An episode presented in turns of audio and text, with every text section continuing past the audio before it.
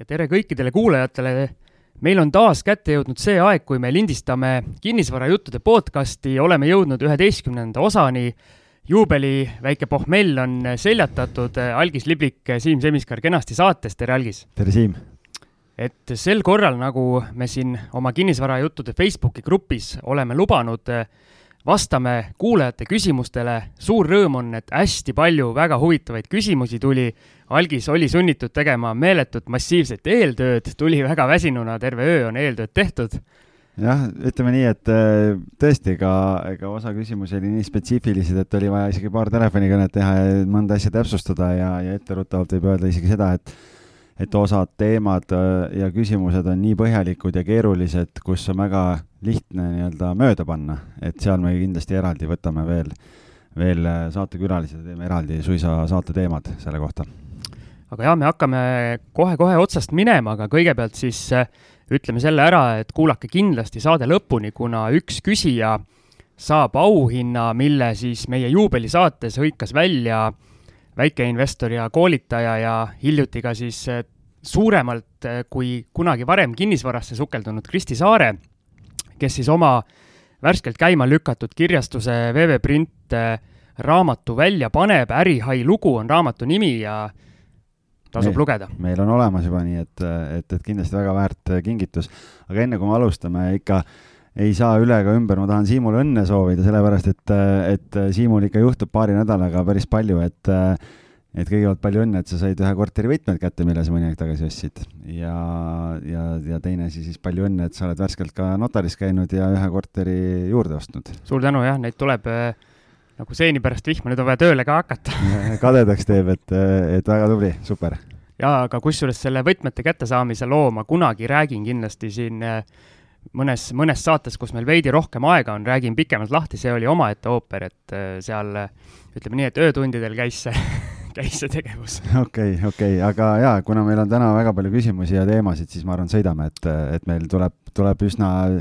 tihe ja pikk saade. nii on ja ma arvan, et äh, alustame päris algusest äh,. et esimesena ma loen ette ühe ütleme siis pealehakkaja neiu kirja, ta saatis küsimuse või küsimused meili teel ja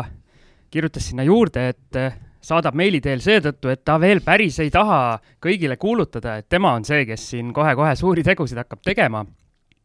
aga nimetame teda siis pealehakkajaks neiuks ja kiri on selline. kõigepealt soovin tänada sind ja Algist, sind siis olin mina nii ägedate podcastide eest. tihtipeale on need nii huvitavad, et kuulan veel teist korda üle. Olen ka tegemas esimest sammu kinnisvara investeerimise valdkonnas ja hetkel kaalun mitme eri võimaluse vahel ja tegelikult otsin vastuseid sellistele küsimustele. nüüd tuleb siis kaks küsimust, millele Algis kohe hakkab vastama. et esiteks, et kui korter on registreeritud äripinnana, siis millised on plussid ja miinused sellise korteri ostul? ise olen mõelnud, et pluss on see, et seda saab kasutada ka äripinnana välja rentimiseks kuna korter asub esimesel korrusel ja on eraldi sissepääsuga. Ja kui soetada ettevõttele, siis saab käibemaksu ka tagasi arvestada. vähemalt alguses vist on sulgudes. miinus on see, et ilmselt tulevikus on seda raskem müüa. aga kas on veel midagi, mida peaksin teadma nii-öelda külaliskorterit soetades? ja kas ise riskiksite sellist korterit osta? plaan on hoida korterit eh, circa kümme aastat see on tegelikult väga hea küsimus. täna külaliskorterite pakkumisi on ju päris palju turul ja, ja, ja võib-olla natukene lihtsalt veel tausta rääkida, et miks üldse neid külaliskorterid tehakse. see on see, et, et seal on nagu erinevaid asju, et noh, ma olen ka siin erinevatele klientidele ostnud külaliskortereid ja, ja viimane üks suurem tehing näiteks, mis me ostsime viisteist korterit ühele äh, kliendile, siis viieteistkümnest korterist, kui mälu ei peta, kaksteist olid külaliskorterid et äh, et noh, kuna tal on ka kümneaastane vaade ja, ja, ja küsib käibemaksu tagasi, siis selles mõttes ei ole seal nagu midagi, midagi väga eriskummalist jah, kui, kui keegi täna nii-öelda plaanib alustada või tahab osta esimese korterina külaliskorterit, siis võib natukene hirmutada, aga see põhjus, miks külaliskorterit tehakse või nii-öelda korteri omand mitte eluruumina, on siis see, et üks on, üks on see põhjus, et äh, antud maalapp, millele see maja ehitatakse, selle maa sihtotstarve võib olla selline, et näiteks on kakskümmend protsenti ärimaa ja kaheksakümmend protsenti elamumaa. Ja sellest tulenevalt on siis vaja teha teha sinna mingi hulk mitteeluruume. Ja, ja siis ongi küsimus, et kas need on mingid äri- või kaubanduspinnad, mida saab välja üürida või on nad kõige nii-öelda nagu korterid, aga lihtsalt, lihtsalt siis nii-öelda nende korterite ostmisel on nagu see asi, et et panga finantseeringuga on natukene teistsugune lugu, et, et seal on, on panku, kes annavad finantseeringut sellele ja on panku, kes väga ei taha anda ja, ja mulle teadaolevalt on nii-öelda tingimused on lihtsalt sellised, et kui sa tahad eraisikuna osta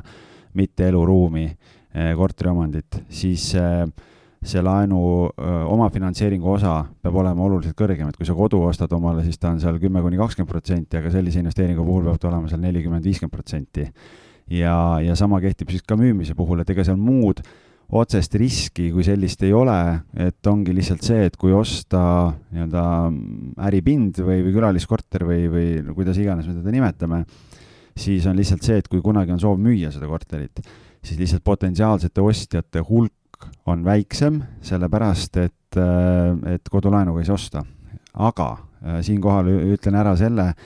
et miks ta jälle investeeringuna ei ole paha, kui vaadata siin ka, meil küsija ütles, et ta vaatab kümneaastast perspektiivi, siis see tegelikult, äh, miks sellest viieteistkümnest korterist näiteks kaksteist olid mitteeluruumid, oligi see, et noh, see mitteeluruum kõlab juba halvasti, nagu ostaks mingit garaaži või, või ma ei tea, mis asja, noh, ütleme külalis, jah, külaliskorter siis, et äh, hind on soodsam. et kui sa võtad selle, et hind on soodsam ja, ja, ja see teine osa poolest, mis siin küsiti, et äh, saab käibemaksu tagasi küsida, siis tegelikult äh, see annab kohe väga olulise võimenduse tootlusele, et selles plaanis nagu ma, ma ei näe seal suurt tonti, et, et seda sellist tüüpi korterit nagu kartma peaks.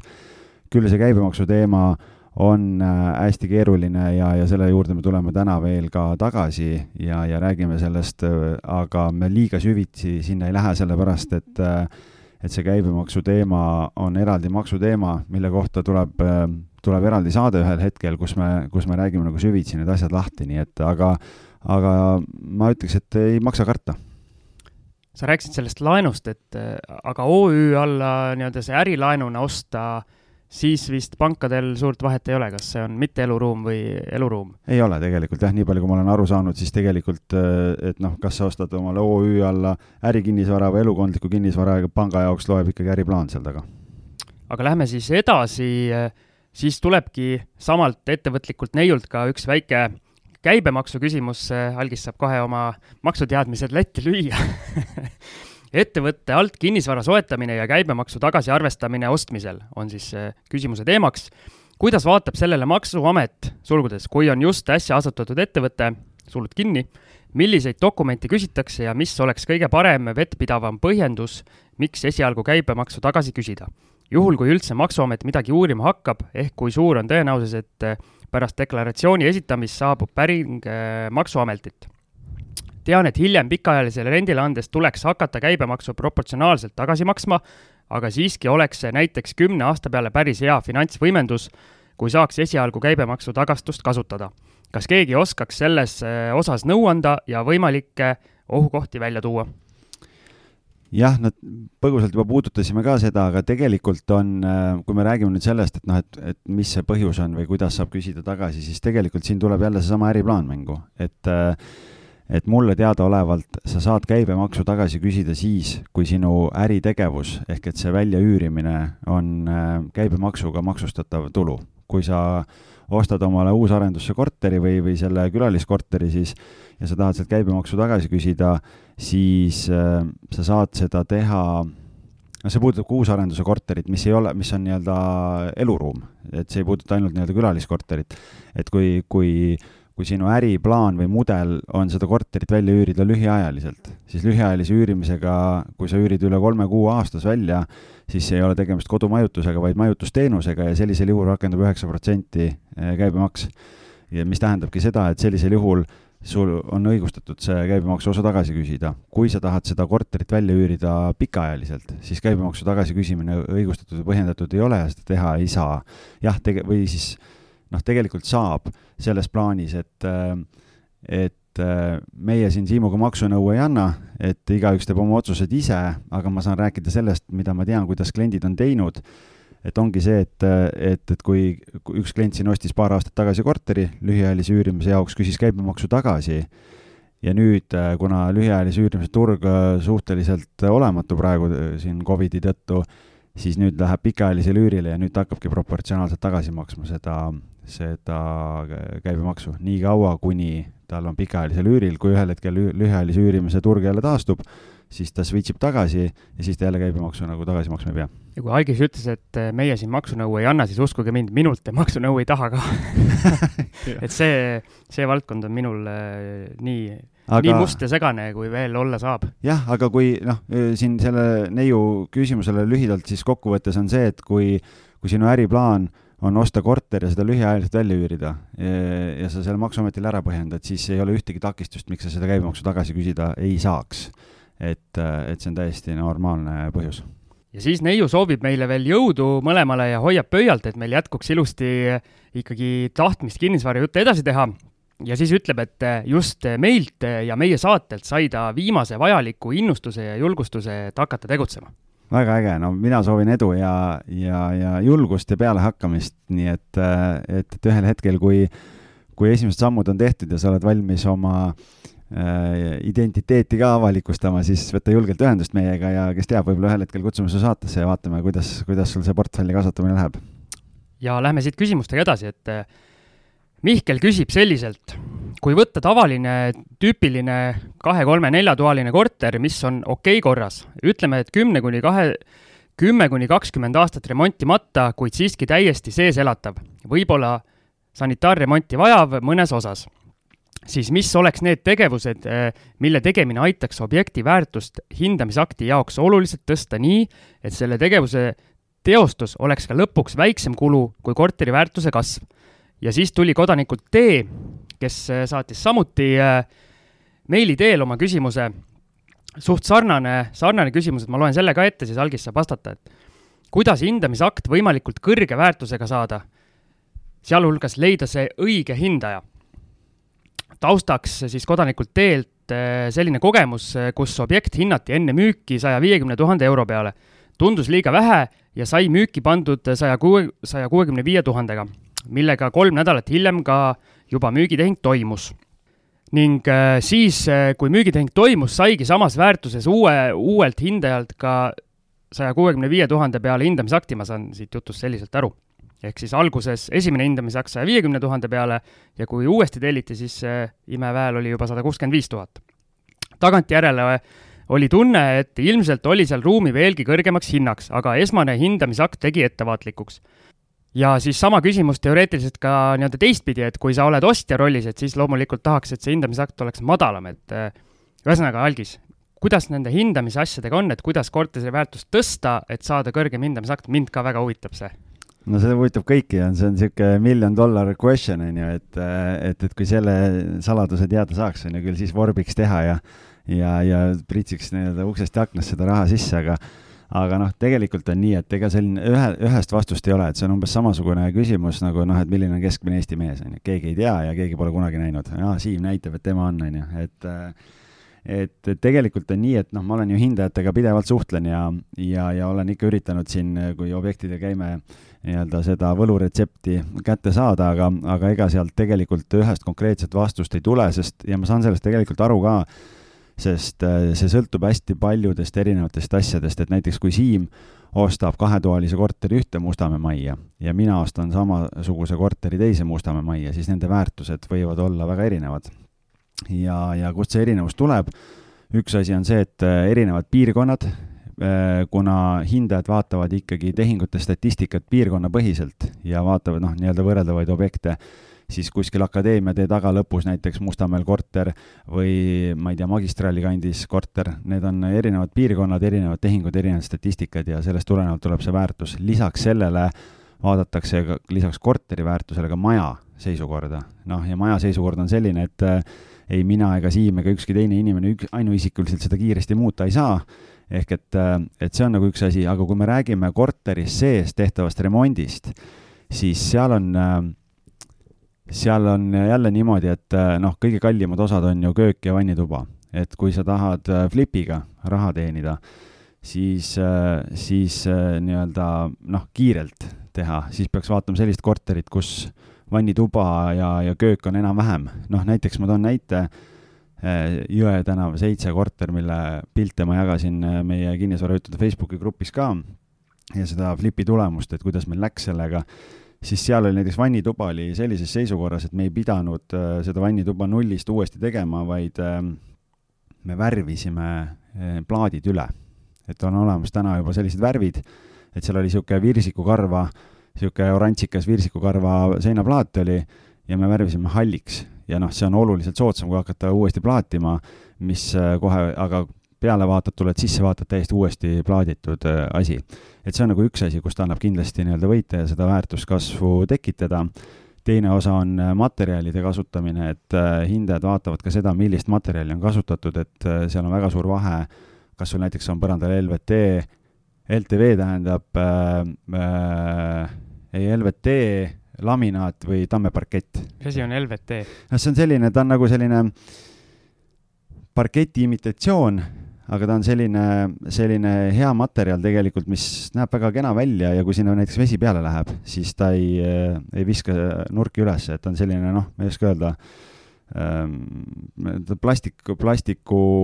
ta ei ole plastik ka, noh, ma ei tea, mingi selline, selline materjal, üürikorterites ülihea asi mm, -hmm. soovitan uurida. Ja, ja siis äh, Äh, et noh, et see loeb, aga no muidugi. mul just on vaja hakata siin põrandaid panema, et ma siin sellepärast küsingi. no vot, no vot, et, äh, et, et kui sa guugeldad selle kohta, siis saad väga head, väga head infot, et äh, ja, ja teine asi on, on noh, muidugi kullast vetsupotti ei maksa panna, et see nagu hinnas tagasi ei too, aga et materjalidest ja erinevatest sellistest pisidetailidest loeb, aga ma ütlen jälle, et see on, ma arvan, me peame ikka ühe hindaja siia laua taha võtma ja siis sealt pigistama seda äh, seda tarkust, jah, nii palju kui tuleb, et sealt kivist vesi välja, on ju, et, et, et siis saame, saame konkreetsemad vastused, aga noh, lühidalt öeldes on, on neid muutujaid ja asju on seal nii palju, et, et ma arvan, et vannituba ja köök, kui neid saab värskendada, noh näiteks ka köökide puhul on olemas selliseid ettevõtteid, kus sa vaatad, et enam-vähem köök et uut kööki hakkaks panema, siis on tegelikult võimalus tellida köögi värskendamine, vahetatakse uksed ära ja kõik sellised asjad, ma olen näinud, värskelt nägin mingi korterit, kus näiteks üks pruun köök kiletati üle, mingi selline spetskile on, tehti valgeks, üliilus, nagu uus köök oleks, noh jälle, rahaliselt palju soodsam, aga, aga võib-olla kui ei tea, siis ei tule selle pealegi. ja teine pool, mis puudutab seda kahe kort-, seda oma kodu müümist ja seda hindamisakti, siis äh, mul tekkis hästi mitu küsimust sellega seoses, et äh, esiteks mulle tundub see kümneprotsendiline vahe nagu jube suur, et, et siin ongi see, et äh,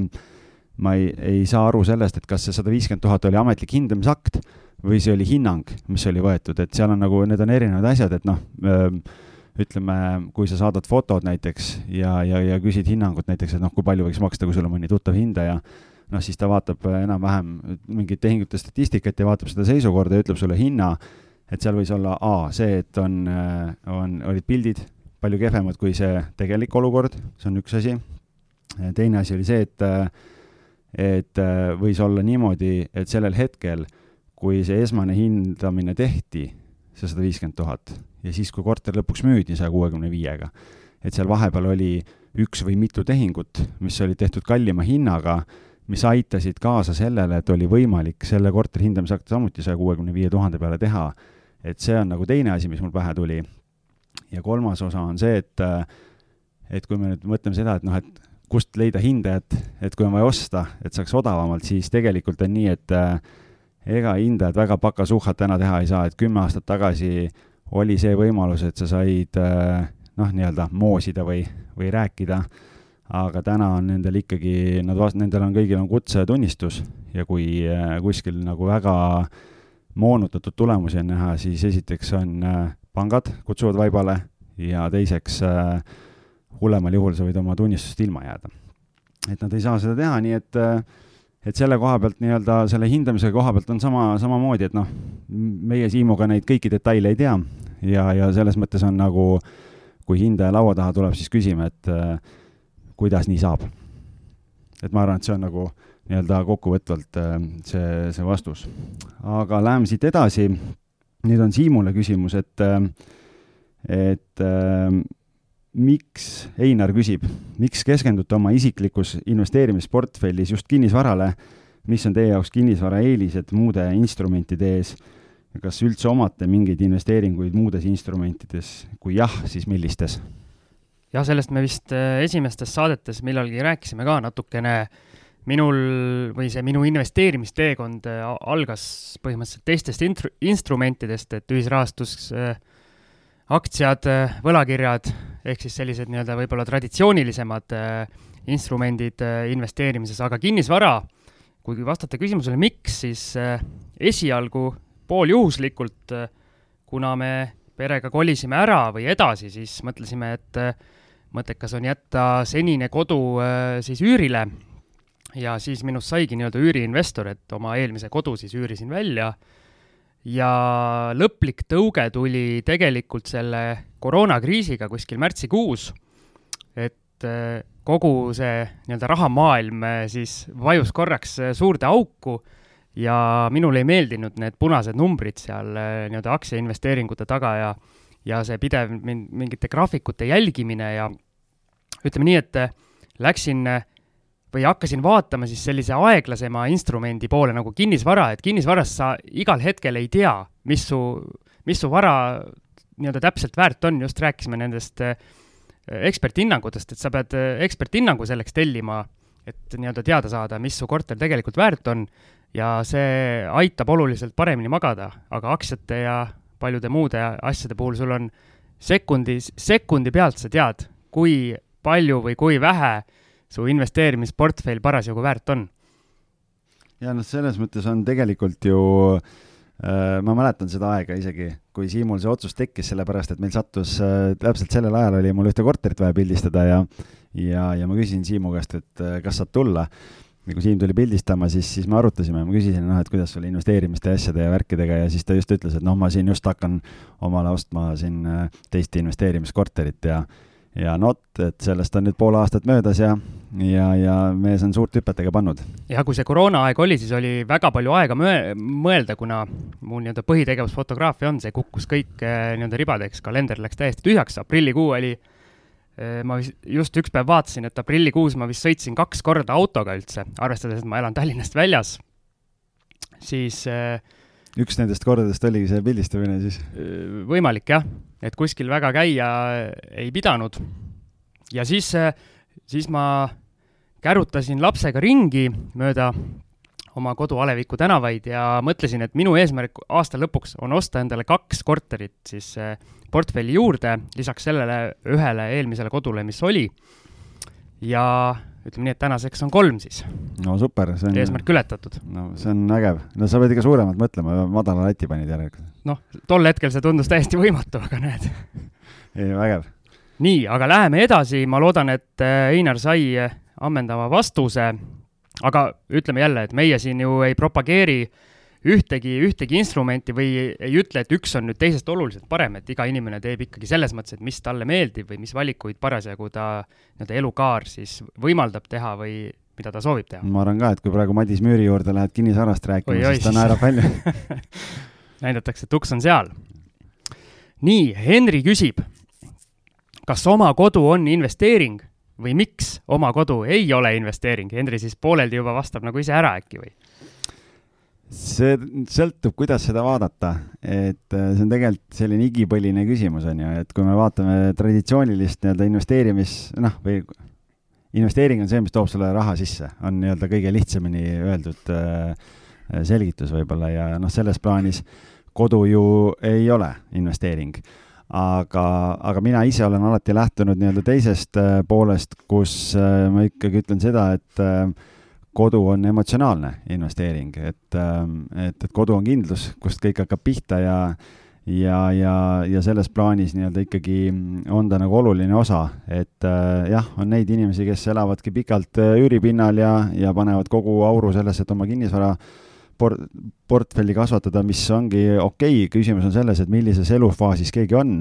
noh, ma ei tea, meil Siimuga täna, kus meil on ikkagi suured pered juba, siis, siis sellises staadiumis tuleb see oma kodu ikkagi aina rohkem nagu pildile ja, ja on nagu oluline ja ma ütleks küll nii, et et, et, et minu jaoks on see nagu emotsionaalne investeering, aga see sõltub jah sellest, et kuidas keegi seda asja nagu vaatab, et ega siin jälle nii-öelda klassikalises mõttes ta ei ole, aga, aga ma teistpidi ütlen, et on. Mina olen algise sõnadega suures, suures plaanis päri, et äh, minu vaade on küll see, et kui vähegi võimalik, siis ikkagi see oma kodu, sa soetad ka endale siis järk-järgult ikkagi mingit vara. kui sa nii-öelda pidevalt üürid, siis äh, sa soetad kellelegi teisele seda vara. noh, lihtne näide, mul oli üürikorter ja elasime kahetoalises korteris äh, siin mõned aastad tagasi ja maksime üüri mingi kuussada eurot oli ja siis ühel hetkel omanik kirjutab, et nii, et nüüd järgmisest kuust on seitsesada viiskümmend eurot on ju, siis ma kirjutasin, et paravast, et noh, niimoodi ei käi asjad, et et nii ei saa ja kuna me seal kaubale ei saanud, on ju, siis lihtsalt see lõpuks tõukas mind sinnamaani, et ma öö, ostsin oma kodu. kuna ise endale tööandja oled, siis nii-öelda pankadega asjaajamine on kodu ostmiseks nagu keerulisem võib-olla kui palgatöötajatel. ja, ja see kodulaenu intress, mis ma sain täna, täna ma võin seda rääkida, sest mul see nii-öelda korter on maha müüdud ja, ja, ja see olukord on möödas, aga ma isegi nii kõrge intressiga kodulaen oli nagu kolm koma kaheksa aga isegi selle äh,, isegi selle protsendiga oli see pangalaenu makse oli sama, nagu oli enne selles, selle kolmetoalise korteri pangalaenu makse oli sama või isegi grammi võrra väiksem, kui oli selle kahetoalise korteri üürimakse. mis tähendab seda, et mul hakkas tekkima vara, et, et kui ma hiljem siis selle korteri maha müüsin, sealt tekkis juba omakorda mingi, mingi nagu väärtus, et selles mõttes ma olen Siimuga nõus, et et muidu sa üürikorteris elades maksad kellelegi teisele, aga siis hakkad ikkagi nii-öelda endale midagi vaikselt äh, koguma. aga siinkohal tasub mainida, et meie oleme väga õnnelikud, et ikkagi on kontingent, kes soovib üürida, sest muidu meil siin ei oleks millestki rääkida. absoluutselt, nii et ei, ei pea ostma, et äh, üürige julgelt. aga küsimus Siimule ja küsijaks on Henri R. kui vaataksite üüripindasid Tallinnast äh, kuuekümne kilomeetri tunni aja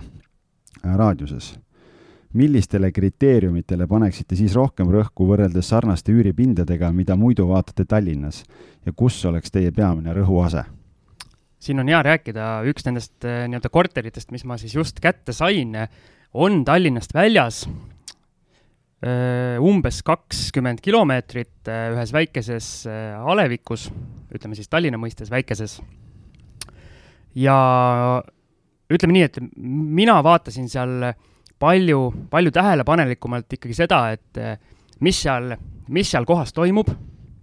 kas seal ikkagi on eh, nii-öelda üüri, üürinõudlust, sest eh, mida, mida ma tean, kuna ma ise elan seal ligidal, et üüripakkumist seal väga ei ole. nõudlus on, et see paistab hästi silma, kui olla nendes nii-öelda väikeste, väikeste kohtade Facebooki gruppides ja olla seal pikka aega ja näha, et seal inimesed äh, palju postitavad selliseid nii-öelda küsimusi, et kas kellelgi on pakkuda mingit pinda, kas siis müügiks või üüriks, et ja kui sa näed, et neid on piisavalt, nii-öelda piisava tihedusega ja samas sa vaatad, et üüripakkumist ei ole, et siis see võib olla üsna hea märk. kindlasti mina vaataks nende nii-öelda Tallinnast väljas olevate kohtade puhul, et see tootlus võiks olla suurem, üüritootlus siis, kui Tallinnas. põhjus sellepärast, et esiteks selle objekti hilisem müük võtab tõenäoliselt eh, noh, võib-olla isegi poole, nii-öelda poole kauem aega ja teiseks üürilise otsimine, kui see peaks vahetuma samuti, võib võtta kauem aega, ehk siis see kõrgem tootlus justkui siis nii-öelda tasandab seda aega, mis see korter võib sul tühjana seista. no ja tegelikult see halduspool ja logistika ka sinna juurde, et kui ta on ikkagi sul Tallinnast väljas ja sul on vaja kohale sõita mingil põhjusel, siis, siis kui sa arvestad selle aja ja ja küttekulud ja kõik asjad sinna juurde, siis, siis sellepärast juba peab ka see tootlus kõrgem olema, et selles mõttes olen Siimuga nõus, et äh, millele mina soovitaks veel tähelepanu pöörata, on see, et et ähm, mis seal lähedal on, on ju, noh, mina olen ise Lääne-Virumaalt äh, väikesest külas äh, üles kasvanud, on ju, noh, Sii-, Siimul läheb nägu naerule, on ju, noh, ma ütlesin enne talle, et ma noh, Assamaale, on ju, noh, et siis Assamaale lahinguid pidanud, et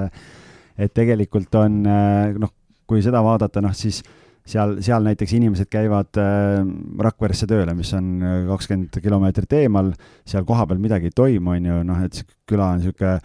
pooleldi nii-öelda välja surema, siis ega seal inimesi sinna juurde ei teki. et ma vaataks ikkagi, noh, kui me võtame Tallinna lähedal näiteks, ma ei tea, Kohila või, või, või Sakud, Saued, äh, Keila, kus on ikkagi mingi, mingi tööstus, mingi infrad, mingid asjad on olemas. ma ei saa aru, kuidas sul nüüd nagu Jüri ütlemata jäi ah,? Jüri jah, vabandust, jah, muidugi siin, noh, see on ikkagi juba, seal on ikka nagu noh, ikka elavad jõukad inimesed ja see on nagu suur asula, et äh, võib-olla sellepärast nagu jäi, et aga, aga jah, just, et transpordiühendus, kas sul on mingi väga hea rongiühendus või, või, või mingi see pool on paigas kui on võimalik, kindlasti tasub uurida ka seda näiteks, et mida on plaanis kohalikul omavalitsusel teha, millist piirkonda arendada, kuhu poole, noh näiteks äh, äh, päris huvitav oli kuulata, oli siin Jaak Roosaar korraldas seda kinnisvaraga rikkaks saamine õpikpraktikas seminari ja seal, seal esines Everhouse'i ähm, esindaja Janar Mutik vist on ta nimi, et rääkis sellest, nad arendavad Vaidas äh,, mitte Vaidasse, vaid sinna Äh, Jürist liiguvad edasi ja arendavad neid äh, ridaelamuid ja, ja paarismaju. Äh, issand, mul ei tule see koha nimi praegu meelde, aga vahet ei ole, et ühesõnaga tundus täiesti suvaline koht, kuhu hakata mingit kinnisvaraarendust tegema. kas seal kuskil Aruküla juures äh,? jah, jah, issand, ei tule praegu see koht, koha nimi. ma isegi tean jah, ma olen neid kuulutusi ja, näinud vist, kui ja. neil juba on nii-öelda valminud või? et, et ühesõnaga, ühesõnaga on noh, ja tema rääkis ka sellest, et kust nemad võtavad seda äh, et kuhu hakata lagedi, vot lagedil, et kuhu hakata arendama, et noh, tundub, et lagedile lähed nüüd mingid, hakkad mingit keset põldu midagi tegema. see on aga... päris okei okay koht, see lagedi. jah, seal on tegelikult sealt majadest kaks minutit on äh, rongipeatus ja, ja, ja no just hästi palju uurisid seda, et mida kohalik omavalitsus, kuhu vald plaanib investeerida, mis, mis plaanid sellega on, et kui on võimalik nii-öelda omavalitsuse avalikel koosolekutel kuskil osaleda, siis sealt võib päris väärt infot saada, küsimus on, kas teil on aega seda teha? just äh hea point on see, et mina vaataks ka, et sellel asulal, kus sa selle üürikorteri ostad, oleks kas siis väga hea rongiühendus Tallinnaga või siis äh, suur maantee ligidal. et minul see nii-öelda üürikorter, põhimõtteliselt ma võin öelda, et äh, sealt sõidab äh, kiiremini Tallinna kesklinna, kui näiteks, kui mina elasin, kunagi elasin seal Valdeko kandis, mina sõitsin kauem äh,, kauem Tallinna kesklinna, kui nüüd äh, minul sealt nii-öelda väikeasulast äh, mööda Tallinn-Tartu maanteed äh, ilusti seal sajaga või saja kümnega, oleneb äh, hooajast seal libistada, et äh, see nii-öelda ühenduvus on väga oluline lüli. nii, lähme edasi. Sander küsib sellist asja, et äh, kinnisvarainvestor tahab üldiselt enda vara lähedal olla. samas Itaalias ja Hispaanias on need ühe euro kampaaniad ma saan aru, siis ühe euroga müüakse midagi. Need üheeurosed on muidugi üsna lootusetus seisus, aga sageli on samas piirkonnas ka üsna talutavas äh, olukorras elamisi hinnaga circa viis kuni kakskümmend tuhat eurot. ehk siis üsna sümboolne hind. muidugi lisaks tuleb arvestada ka remondikuluga, kas taolisi elamisi äh, võiks Airbnb tarbeks lähemalt kaaluda? sisenemise hind tundub hea, kui lõpuks inimesed jälle reisima hakkavad, siis võiks asjal jumet olla samas endal on tunne, et tundub kuidagi liiga hea, et tõsi olla. sest kui numbrid kokku jookseks, siis võiks ju investorid neid juba praegu lennult haarata. või siis äkki peletabki see rahvusvahelisi investoreid eemale, et need asuvad nende jaoks liiga kaugel ja majandada on keeruline ma tahaks tänada selle küsimuse eest, et see oli selles mõttes üliäge küsimus, et kui ma selle läbi lugesin, siis ma ei saanud alguses mitte midagi aru. ja siis ma lihtsalt guugeldasin, et noh, mida siin nagu silmas peetakse ja ja tegelikult ülipõnev, äh, ülipõnev, äh, sain targemaks jälle, nii et, äh, et millest juttu oli seal küsimuses siis lühidalt? Hispaania, Itaalia ja Prantsusmaa, väikesed nii-öelda külad või, või noh, linnakesed siis kuskil, kuskil maapiirkondades. Hispaania assamallad. jah, Hispaania assamallad jah, et on, on siis nii-öelda alustanud või juba viimased viis aastat teevad selliseid kampaaniaid et nad üritavad inimesi, kuna inimesed äh, lahkuvad, siis nad äh, jäävad väga paljud kinnisvarad jäävad seisma ja räämas seal ja siis on tehtud kampaaniaid ja kutsutakse, et äh, ühe euroga on võimalus osta endale, et tule ja osta. ja see muidugi tähendab seda, et nendel on mingi kohustus teatud aja jooksul teatud palju sinna investeerida, aga päris äge kampaania, et, et Assamaalasse ühe euroga korter on ju, noh, ma ei, ei kõla nii atraktiivselt kui kuskil Itaalias, seal vaatasin neid pilte ka, et väga ägedates piirkondades tõesti hakkas endalgi korra seal mõte jooksma, on ju, aga tulen nüüd selle juurde ikkagi tagasi, et et kas Eestist osta kuskile Itaalia või Prantsusmaa pärapõrgusse omale mingit asja teha korda ja, ja lühiajaliselt välja üürida, see tundub jube seksikas ja äge, aga tegelikult reaalses elus on, on seal ikkagi väga suured riskid. Ja milles need riskid seisnevad, noh me ise oleme Tallinnas hallanud siin ähm, enam kui kahtekümmet Airbnb korterit ja juba samas linnas nii-öelda haldusega tegeledes on äh, tegemist ja, ja, ja peavalu ikkagi omajagu. et kui nüüd võtta siit, osta, osta sinna mingi asi, teha valmis ja leida koha pealt mingi inimene, kes mõtleb, et oh, leian seal mingi Pablo ja, ja küll ta siis mul teeb ja majandab, siis ega sa, sa ei kontrolli seda olukorda ja, ja, ja noh, kindlasti me saame siia saatesse kutsuda ka mõne, mõne esindaja, kes räägibki, kuidas, ma ei tea, Hispaaniasse või kuskile kinnisvarasse investeerida, et on neid edulugusid ja, ja häid näiteid väga palju, aga ma olen kuulnud nii-öelda klientidelt äh, päris äh, markantseid näiteid selle kohta, et, et, et miks sinna investeerimise koha peal võiks nii-öelda kümme korda mõelda, mitte üheksa korda. ja võib-olla isegi nii-öelda lõikamata jätta seal, on see, et näiteks üks inimene ostis omale ma, ma ei mäleta, kas see oli, kas see oli eestlane või oli see ameeriklane, kuskilt lugesin mingit uudist, et noh, et keegi ostis omale Hispaaniasse kinnisvara ja leidis koha pealt halduri ja, ja siis äh, kohapealne haldur kogu aeg andis infot, et broneeringuid ikka üldse ei tule ja jube kehvasti läheb ja noh, üldse midagi nagu, et jube, jube jama on. ja pärast, mis välja tuli, oli see, et tegelikult omaniku selja taga üüris kuskil hoopis mujal neid asju välja, ise teenis raha, on ju, ja omanik, omanik ei saanud midagi, et lasi omaniku üle lihtsalt. omanik maksis pangalaenu. jah, et noh, et selles mõttes ja sa ei, noh, sul peab ikka tohutu usaldus olema või, või nagu kas mingi pereliige või keegi, keegi seal kohapeal elama, et siis, siis sa saad nagu kontrollida. ja teine näide oli see, et ühte korterit, mis ma müüsin, käis vaatamas üks eestlasest investor.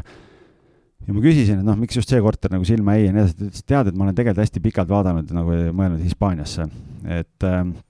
aga siis ta ütles, et ta, et ta lõpuks loobus sellepärast, et äh, et ta luges, et on päris palju olnud selliseid olukordi, kus äh, keegi ostab näiteks puhkus äh, kuskile sinna, ostab mingi korteri ja, ja, ja siis on niimoodi, et kui sul mingi, see korter on tühi näiteks mingi periood siis võib juhtuda nii, et mõni kohalik noh, põhimõtteliselt nagu murrab sisse, et nii-öelda sahkerdab ennast sisse sinna, vahetab lukud, asjad ära ja hakkab elama sinu korteris. Ja kui sa lähed seal, ma ei tea, kolm-neli kuud hiljem ja üürilepingut mitte midagi ei ole ja sa ei saa teda välja tõsta, sa pead politseisse tegema avalduse ja politsei väga tihti ei pidanud olema üldse mitte selle välismaalase poole peal, vaid kaitsma oma riigi kodaniku huve, et põhimõtteliselt sul on nii-öelda puuküürnik äh, võõras riigis ja sa ei saa mitte midagi teha. puukvaras. jah, et nagu, et, et noh, need on need näited, mida ma olen kuulnud, et äh, kindlasti on edulugusid, on ju, ja, ja, ja et seda nagu puhta kullana ei maksa võtta, aga ma ütlen nii, et äh, et enne kui, kui nii-öelda nuustakule laiema lähed, siis võiks proovida kodulinnas midagi ära teha, et võib-olla see oleks nagu selline hea soovitus. mina suure Hispaania sõbraga, sõbrana mingi hetk natukene ka mõtlesin selle peale, kuna see, nagu sa ütlesid, see mõte tundub nagu hullult seksikas, et kui ma nagunii kogu aeg seal nii-öelda reisil käin, siis võiks oma kinnisvara olla, mis muidu on siis kogu aeg välja üüritud, aga kui ma ise tahan minna, on ju, et siis ma saan, siis ma saan minna, aga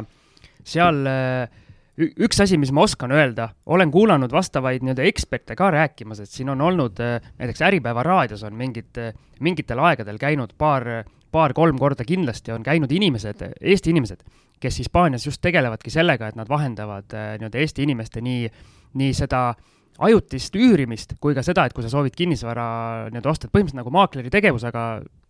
seal Hispaanias, sest eh, see Hispaania juriidika ei ole päris nii nagu Eestis, et, eh, et sa lähed eh, nii-öelda välismaalasena sinna ja sulle hakatakse kohe neid asju müüma, et seal vähemalt osades piirkondades on see oluliselt keerulisem, et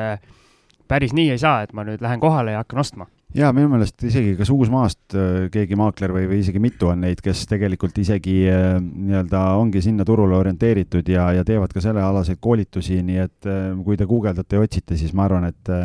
et leiab seda infot, nii et, et ma ei ütle, et ei, et kindel, kindel ei, ei, ei, aga igaüks teeb oma valikud ise, lihtsalt ma ütlen, et riskiaste on kindlasti oluliselt kõrgem kui, kui siin kohapeal tehes. just, ja konkreetselt küsimuse juurde tulles, siis nii palju, kui ma nendest saadetest mäletan, siis seal räägiti, et ikkagi nii-öelda kui soovite osta, siis tasub osta ikkagi samamoodi, nagu me Eestis siin räägime, et on mingid piirkonnad, kuhu tasub osta ja nii-öelda Kohtla-Järvele ühe euroga või tasuta korterit ei tasu võtta, eks, sellega ei ole midagi teha. et seal samamoodi ikkagi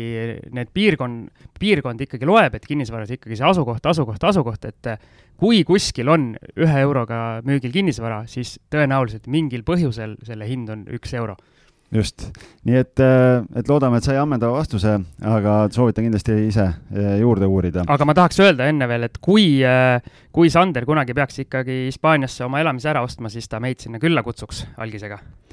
jah, et me hea meelega, mulle ka Hispaania meeldib, nii et, et, et anna siis märku, kui on olemas. aga nüüd teeme väikese pausi, sest meil see asi kipub ikka väga pikaks minema ja siis jätkame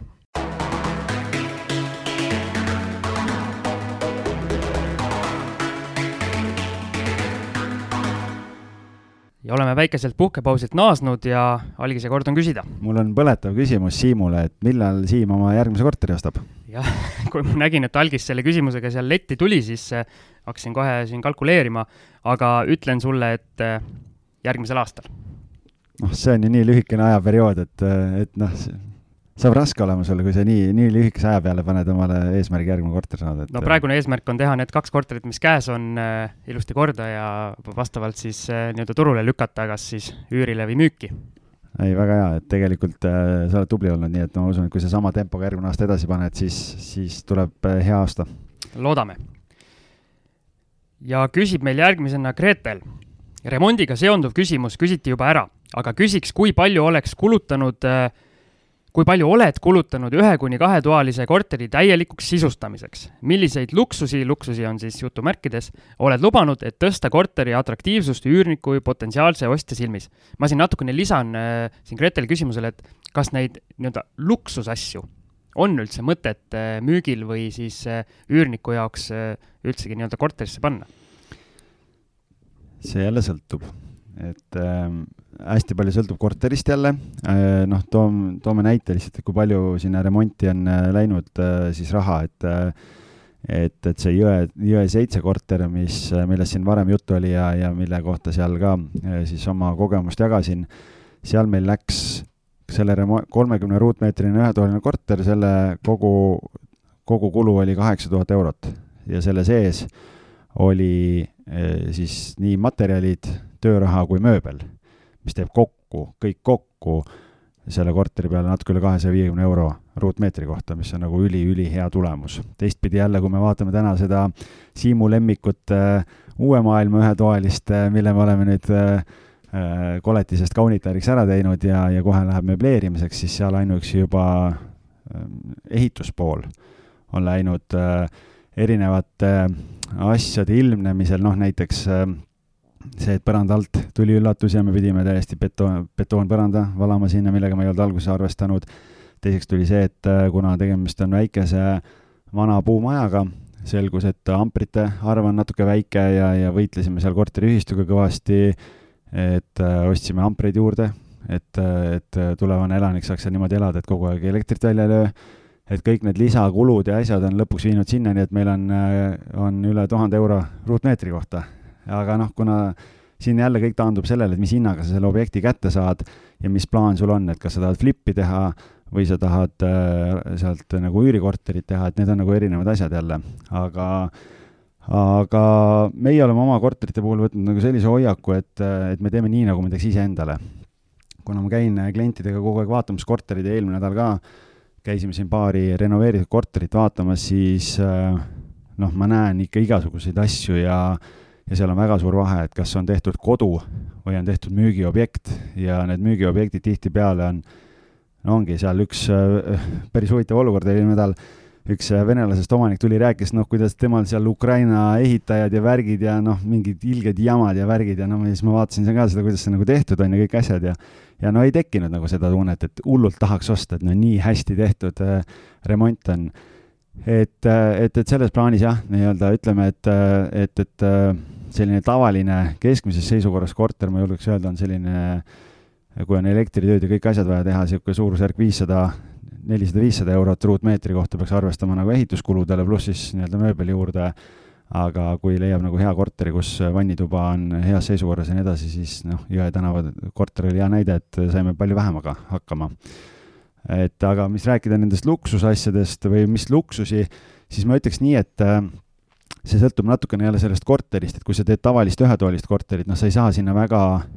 väga üle vindi panna, sellepärast et lõpuks keegi ei osta või või, või lihtsalt sul see investeering läheb nii kalliks, et see üüritootlus on ülimadal. teistpidi on jälle see, et kui, kui sul on mingi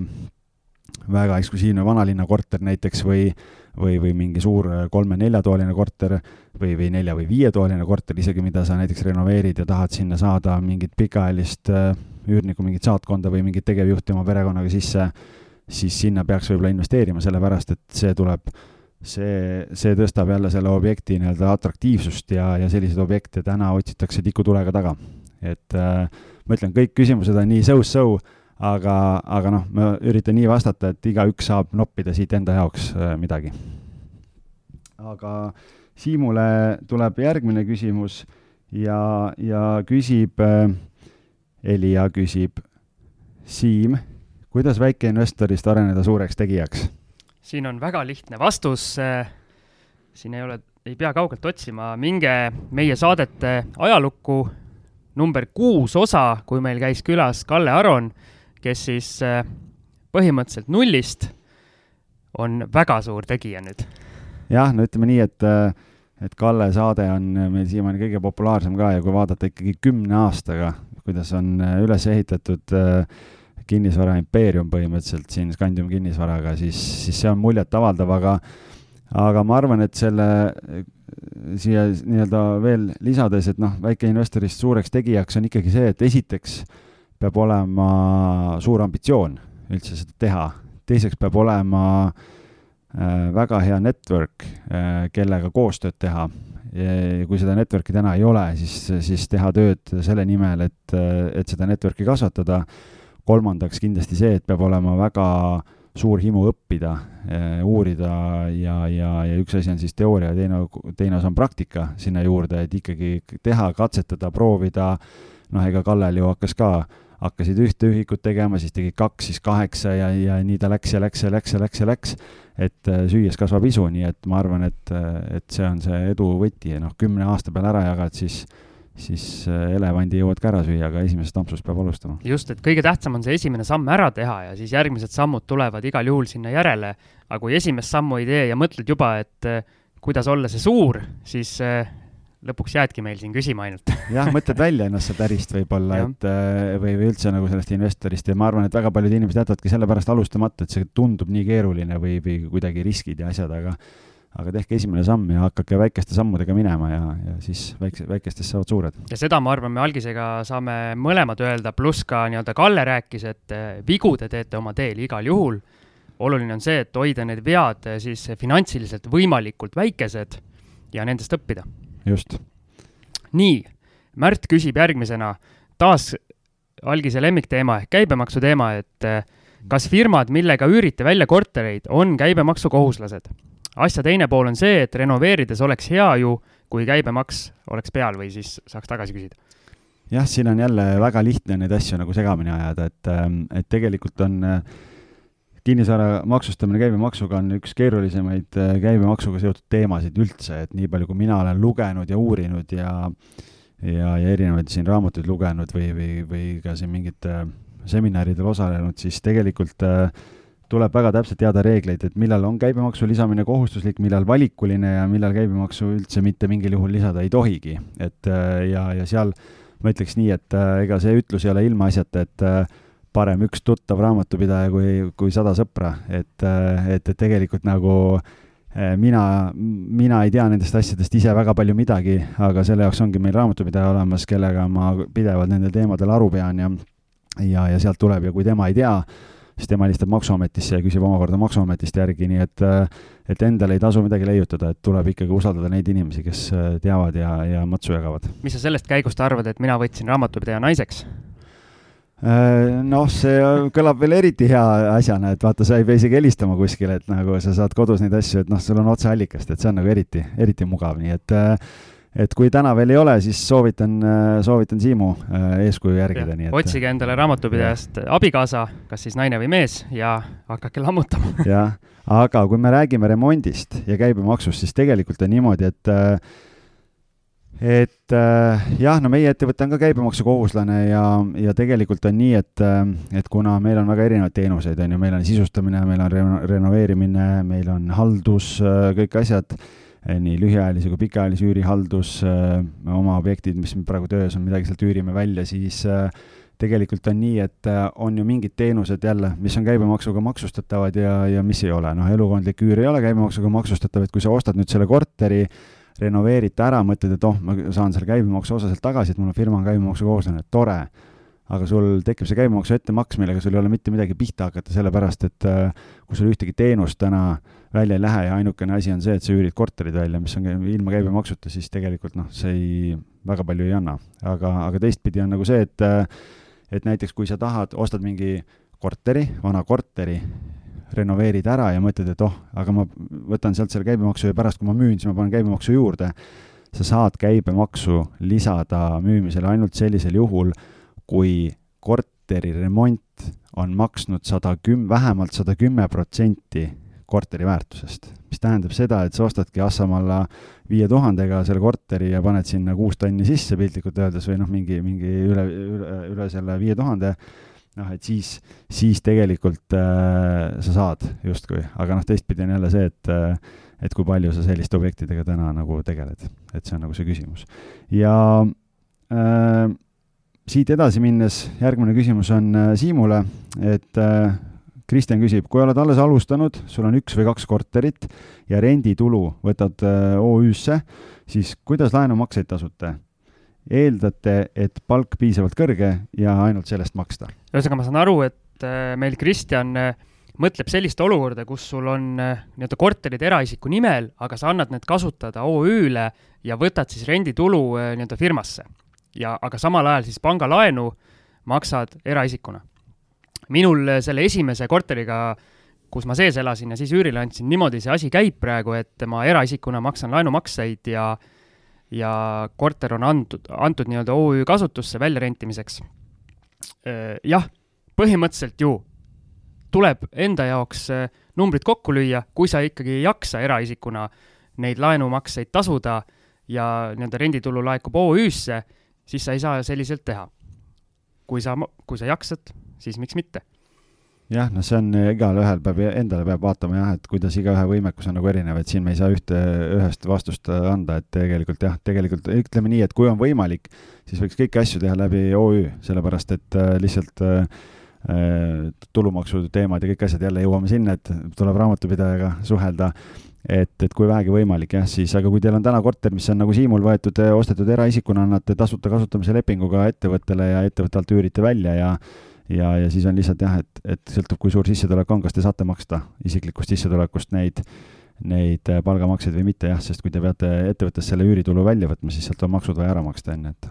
aga järgmine nii-öelda hea variant tegelikult on ju ka nii, ikkagi eraisikuna see välja anda ei ole päris äh, nii-öelda kahekümneprotsendiliselt see maksustatud, äh,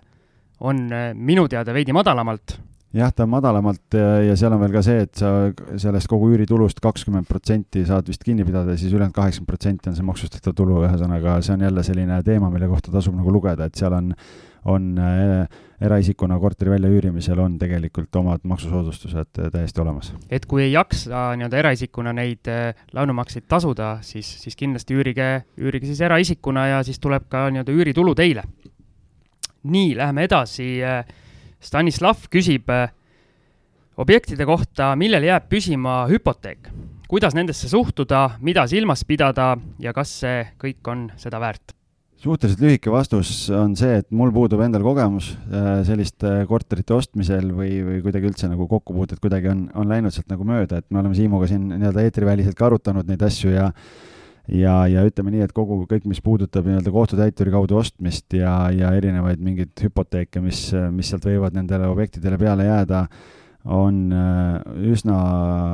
selline riskantne ja, ja keeruline maailm, et tegelikult äh, ma ise osalesin hiljuti kinnisvarakooli koolitusel kinnisvara ostmine kohtutäiturit, et end sellel teemal rohkem kurssi viia ja, ja siis, kui ma selle ära kuulasin, siis ma jõudsin järeldusele, et et, et kuna seal on neid riske ja teadmatust ja seda halli ala on nii palju, siis hetkel mina seda põldu kündma ei plaani hakata ja, ja ma ei ole õige inimene vastama sellele küsimusele, et et vaadake seda kinnisvarakooli kodulehekülge, seal on koolituskalender olemas ja vaadake, millal see koolitus uuesti on tulemas ja, ja ma soovitan, see oli neli tundi väga, väga põhjalik, kasulik ja praktiline koolitus oli, et kui selle ära vaatate, siis sealt saab väga paljudele sellistele küsimustele vastused kätte. et me või, vist võime öelda, et need on asjad, kus kindlasti tasub kõik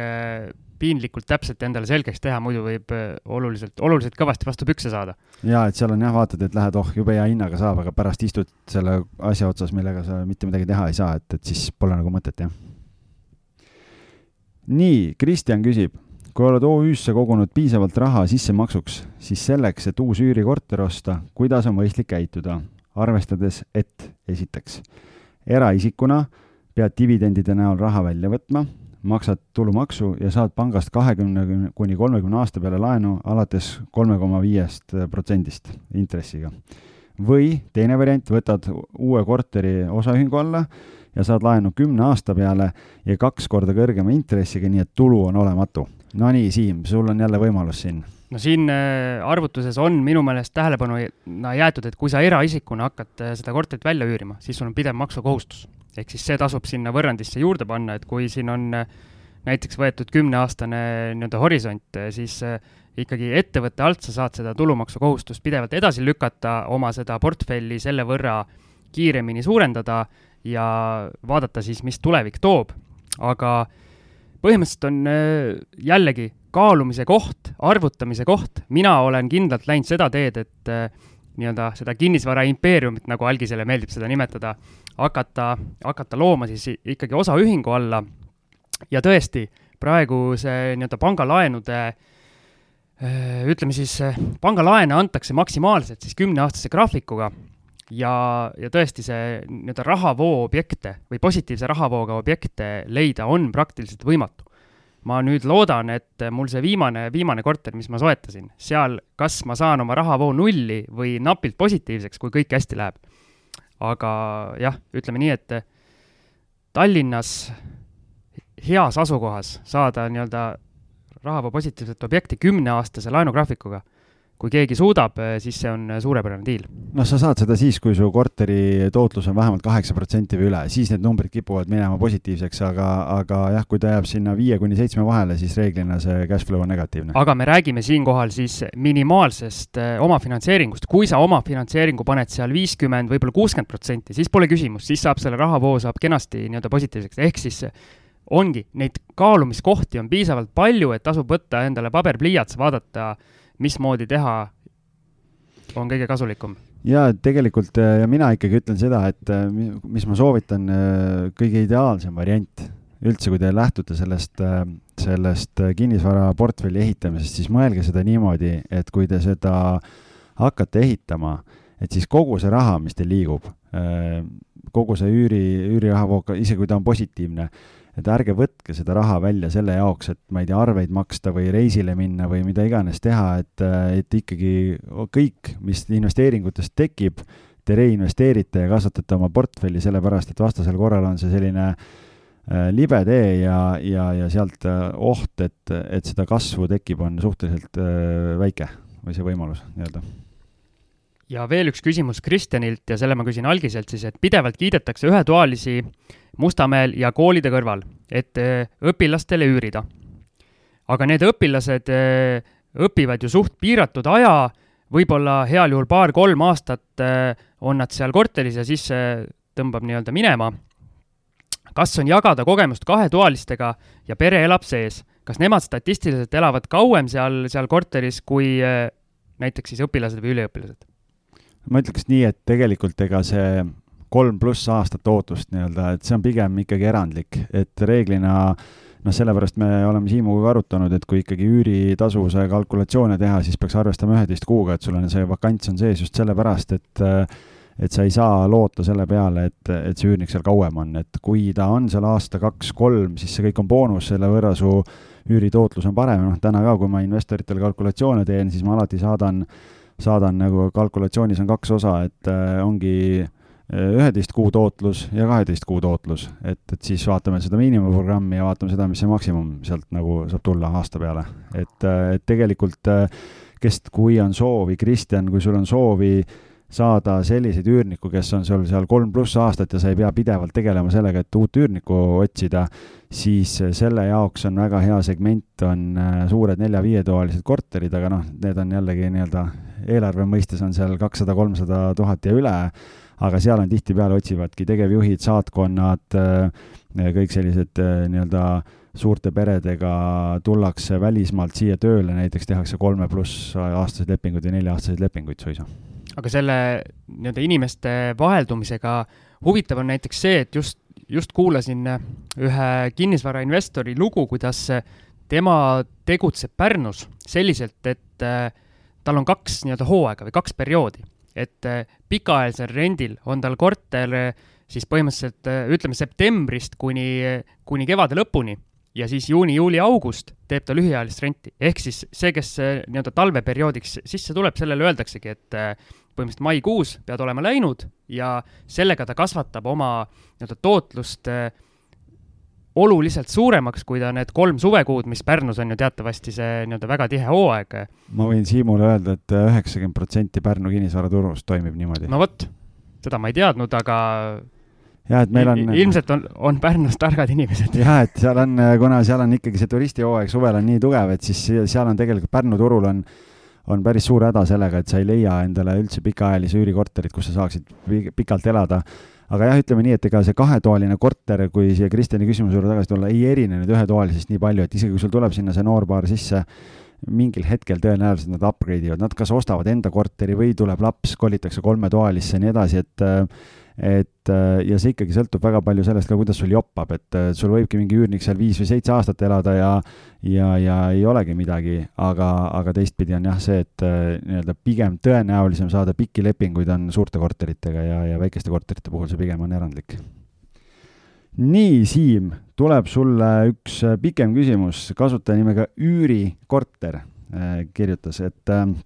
kui osaühingu ainukeseks käibeks on kahe kuni kolme korteri üüritulust tulev käive, millest umbes pool jääb alles ja pool läheb laenumakseteks, kas sellise alustava ettevõttele mõni pank ka laenu annaks või on nii, nagu Peeter Pärtel muudkui õpetab, et sul peab olema ettevõte, mis tegeleb millegagi veel ja alles siis saad minna ettevõtte nimele hüpoteeklaenu küsima üürikorteri ostuks? viimasel juhul, kuidas siis eraisik üldse saakski kaugemale ühe-kahe-kolme korteri liikuda, kui just suurepärase rahavooga ettevõtted mõne teise teenuse müügiga ei tekita, selleks, et kortereid osta? see on väga hea küsimus ja väga nii-öelda akuutne probleem kindlasti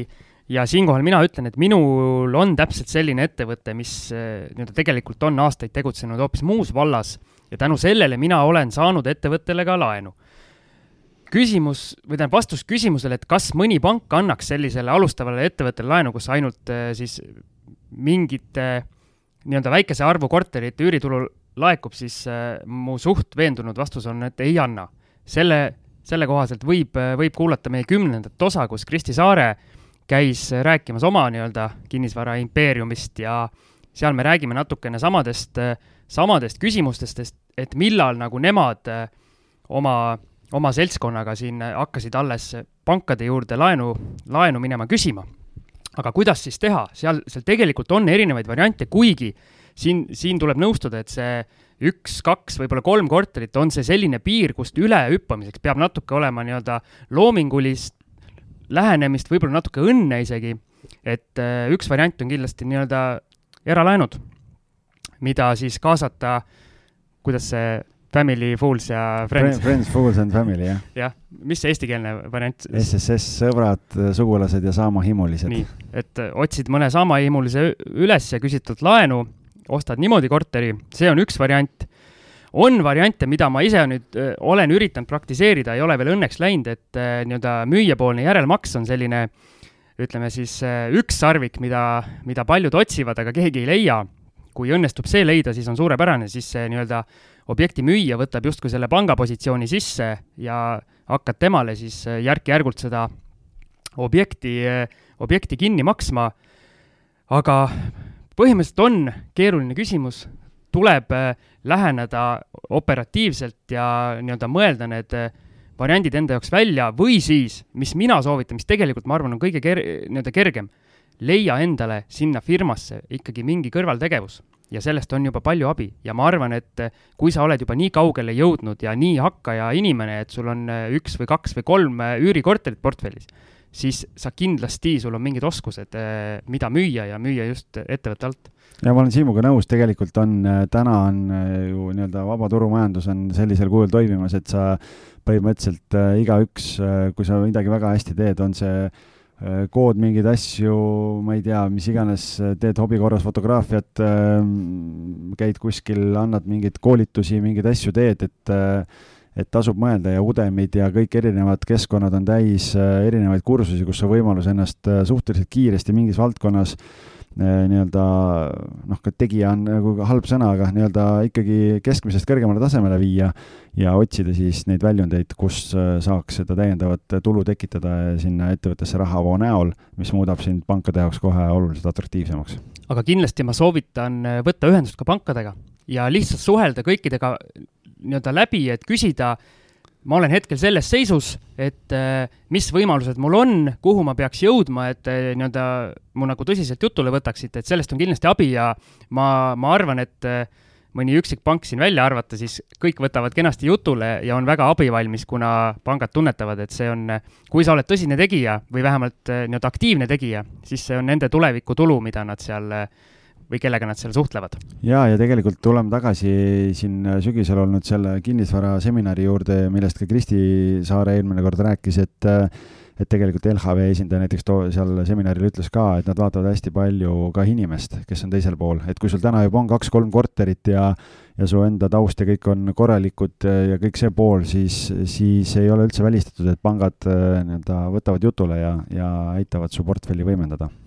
aga meie teeme siin väikese pausi, mis seekord jääb viimaseks ja paneme täie hooga siis edasi.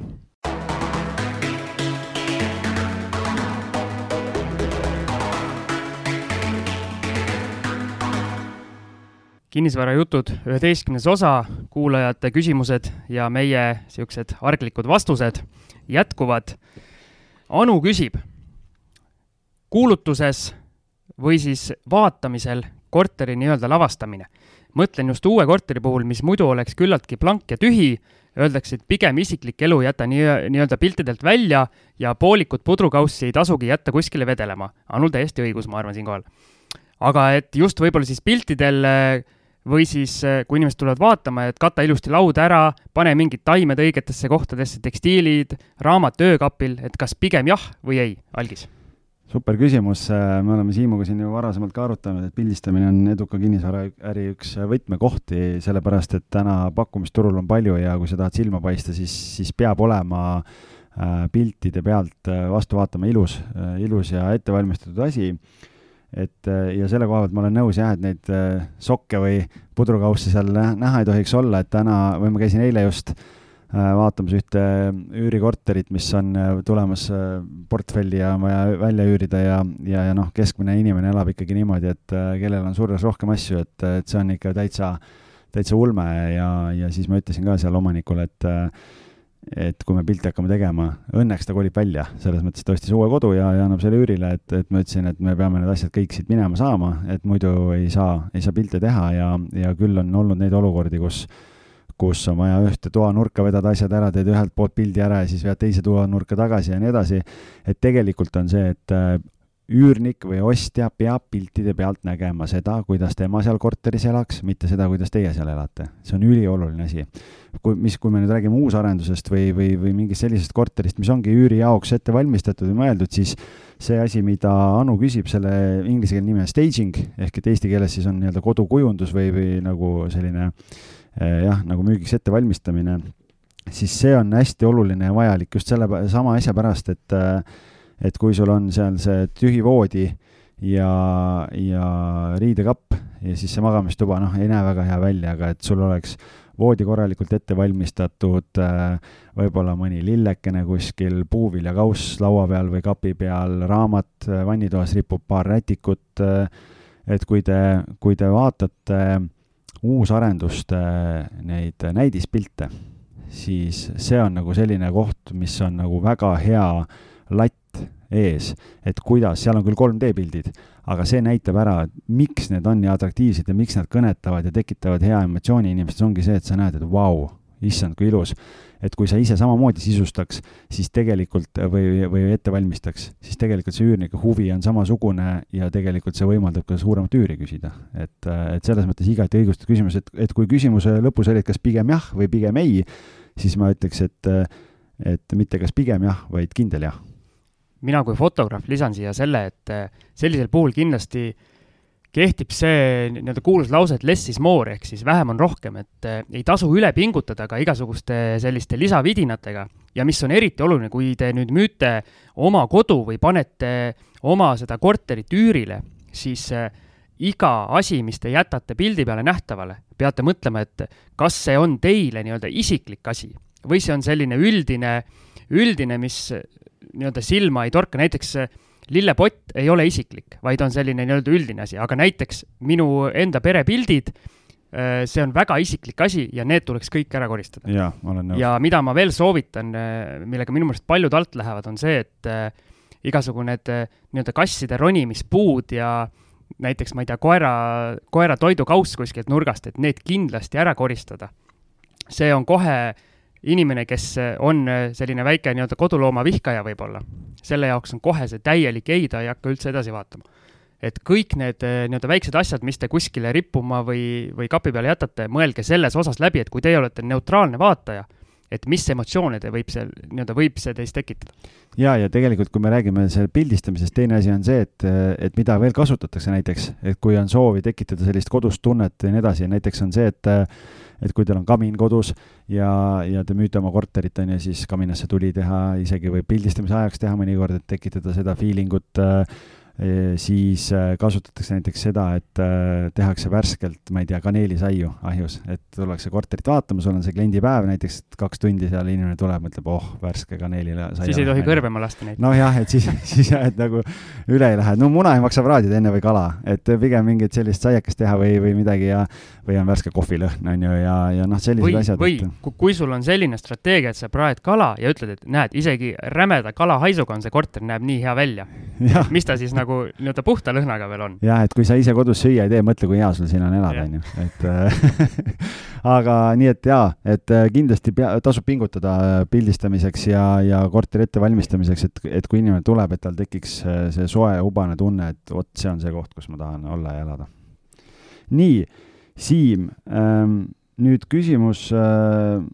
sulle. Villi küsib kas üürikorterite kindlustamisest on juttu olnud? Seltse on mitu, kuid nende kaitsed ja tegevus on tõenäoliselt juhtumi korral erinevad. millised on kogemuste põhjal soovitused? ja samalaadne küsimus veel ka kuulaja T küsib üüriobjekti kindlustamise võimalused, kas hävitatakse hooletu või pahatahtliku üürniku põhjustatud kahjustusi? hüvitatakse mis ma ütlesin hävitatakse ah. oluline vahe. ja kas hüvitatakse ikka, jaa, vabandust, jah. no põhiline nõuanne minul on ikkagi see, et kuna neid nagu küsijaga ütles, seltsi on palju, siis küsige igalt poolt pakkumist. Te saate, saate väga mustvalgel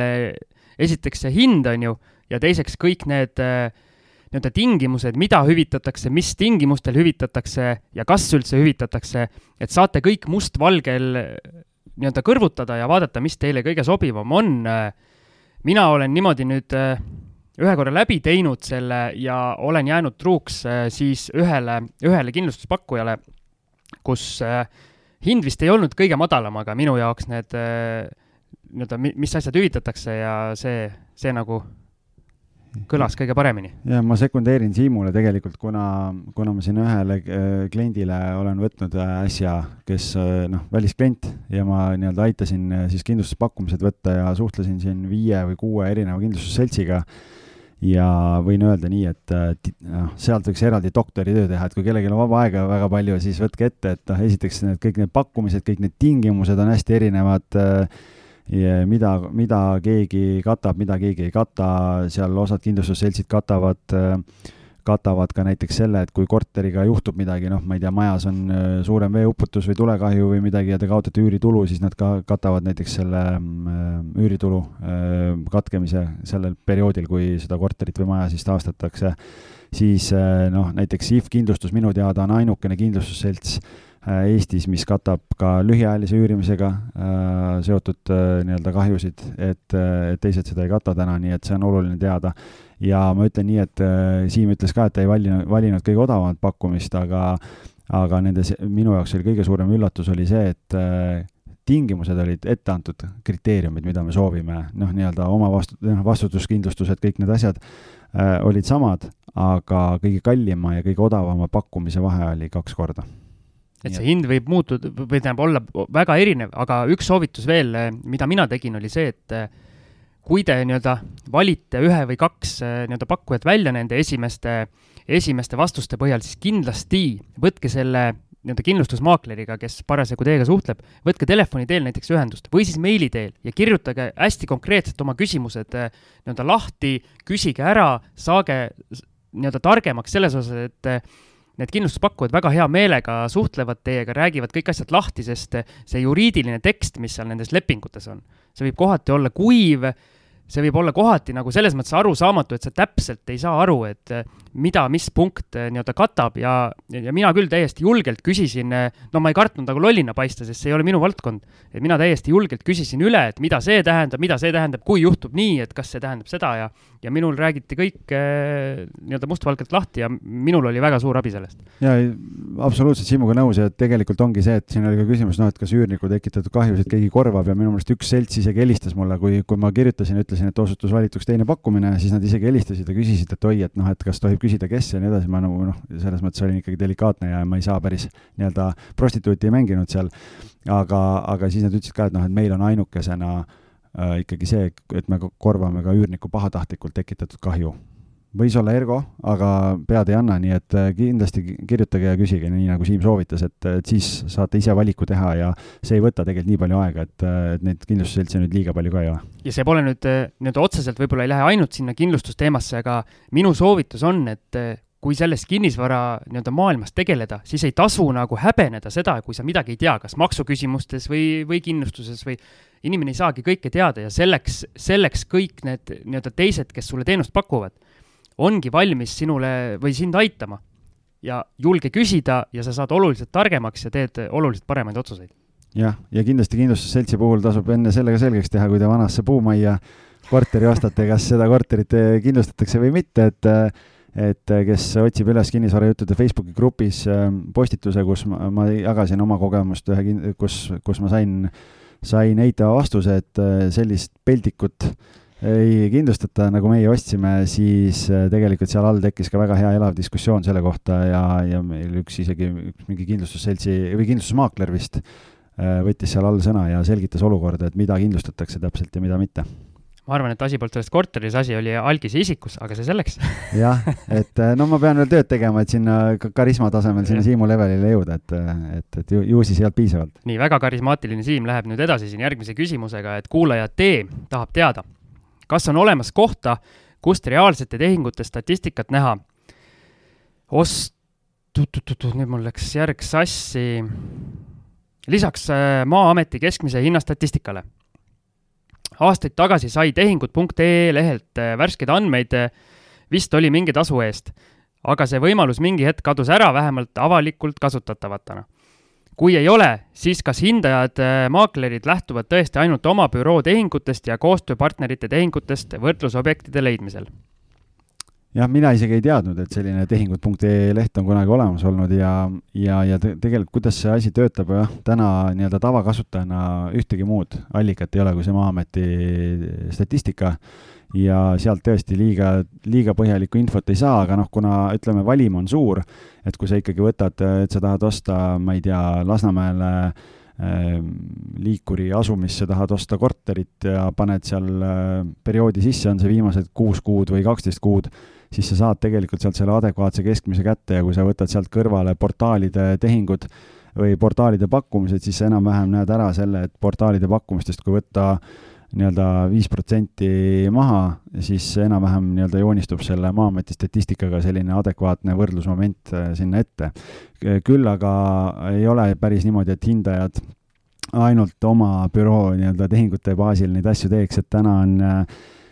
igas noh, suurtes kinnisvarabüroodes hindajatel on, igas büroos on mingid hindajad, kelle, kes on nii-öelda äh, Maa-ameti litsentsiga, ehk et nad saavad Maa-ametist ikkagi igakuiselt äh, Exceli faili, kus on äh, väga põhjalik andmebaas siis viimast, äh, noh, ma ei, ma ei mäleta, kuhu, kuhu maani see välja ulatus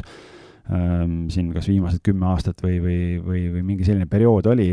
kus on üksikasjalikult kõikide tehingute info ja statistika olemas ja selle baasil siis ikkagi võetakse neid võrreldavaid tehinguid ja, ja tehakse tööd. nii et, et nendel on ikkagi väga adekvaatne ja üksikasjalik info olemas. Nad teavad, mis korterit sa oled ostnud, mis hinnaga sa oled ostnud, millal sa oled ostnud, et kogu see info on olemas, nii et, et kui on soovi täpsemat infot saada, siis tuleb hindajaks hakata, aga seal on jah, kõigepealt siis vaja, vaja see periood ei ole või etapp ei ole ka päris nii lihtne nagu maakleriks hakkamine, et see on vähe keerulisem kadalipp nii, Siim, kuulaja T küsib, äh, kiidan, tal on päris mitu küsimust olnud, nii et, äh, et väga head küsimused ka. kas panna raha eraisikuna ettevõttesse, et osta üüriobjekt ettevõtte omandusse või osta eraisikuna ja välja üürida ettevõtte vahendusel? ilmselt sellel teemal küll terve saate jagu teemat, mida arutada, aga, aga ja, ja Siim, sa põgusalt juba puudutasid ka, aga võib-olla käime korra uuesti üle. ja siin on jälle see põhiasi, et ikkagi see on nii-öelda case by case, et äh, mina olen äh, tõesti teinud niimoodi, et äh, seda nii-öelda üüriportfelli hakanud ettevõtte alla ehitama, aga ma saan aru, et võib-olla kodanik D nagu küsib, et kui tal on eraisikuna raha olemas, siis on tõesti võimalus oma firmale laenata nullprotsendilise intressiga nii-öelda raha, et siis seda firmal kasutada äh, see võimalus on olemas. üks asi, mis on, mida tasub jälgida, et kui võtta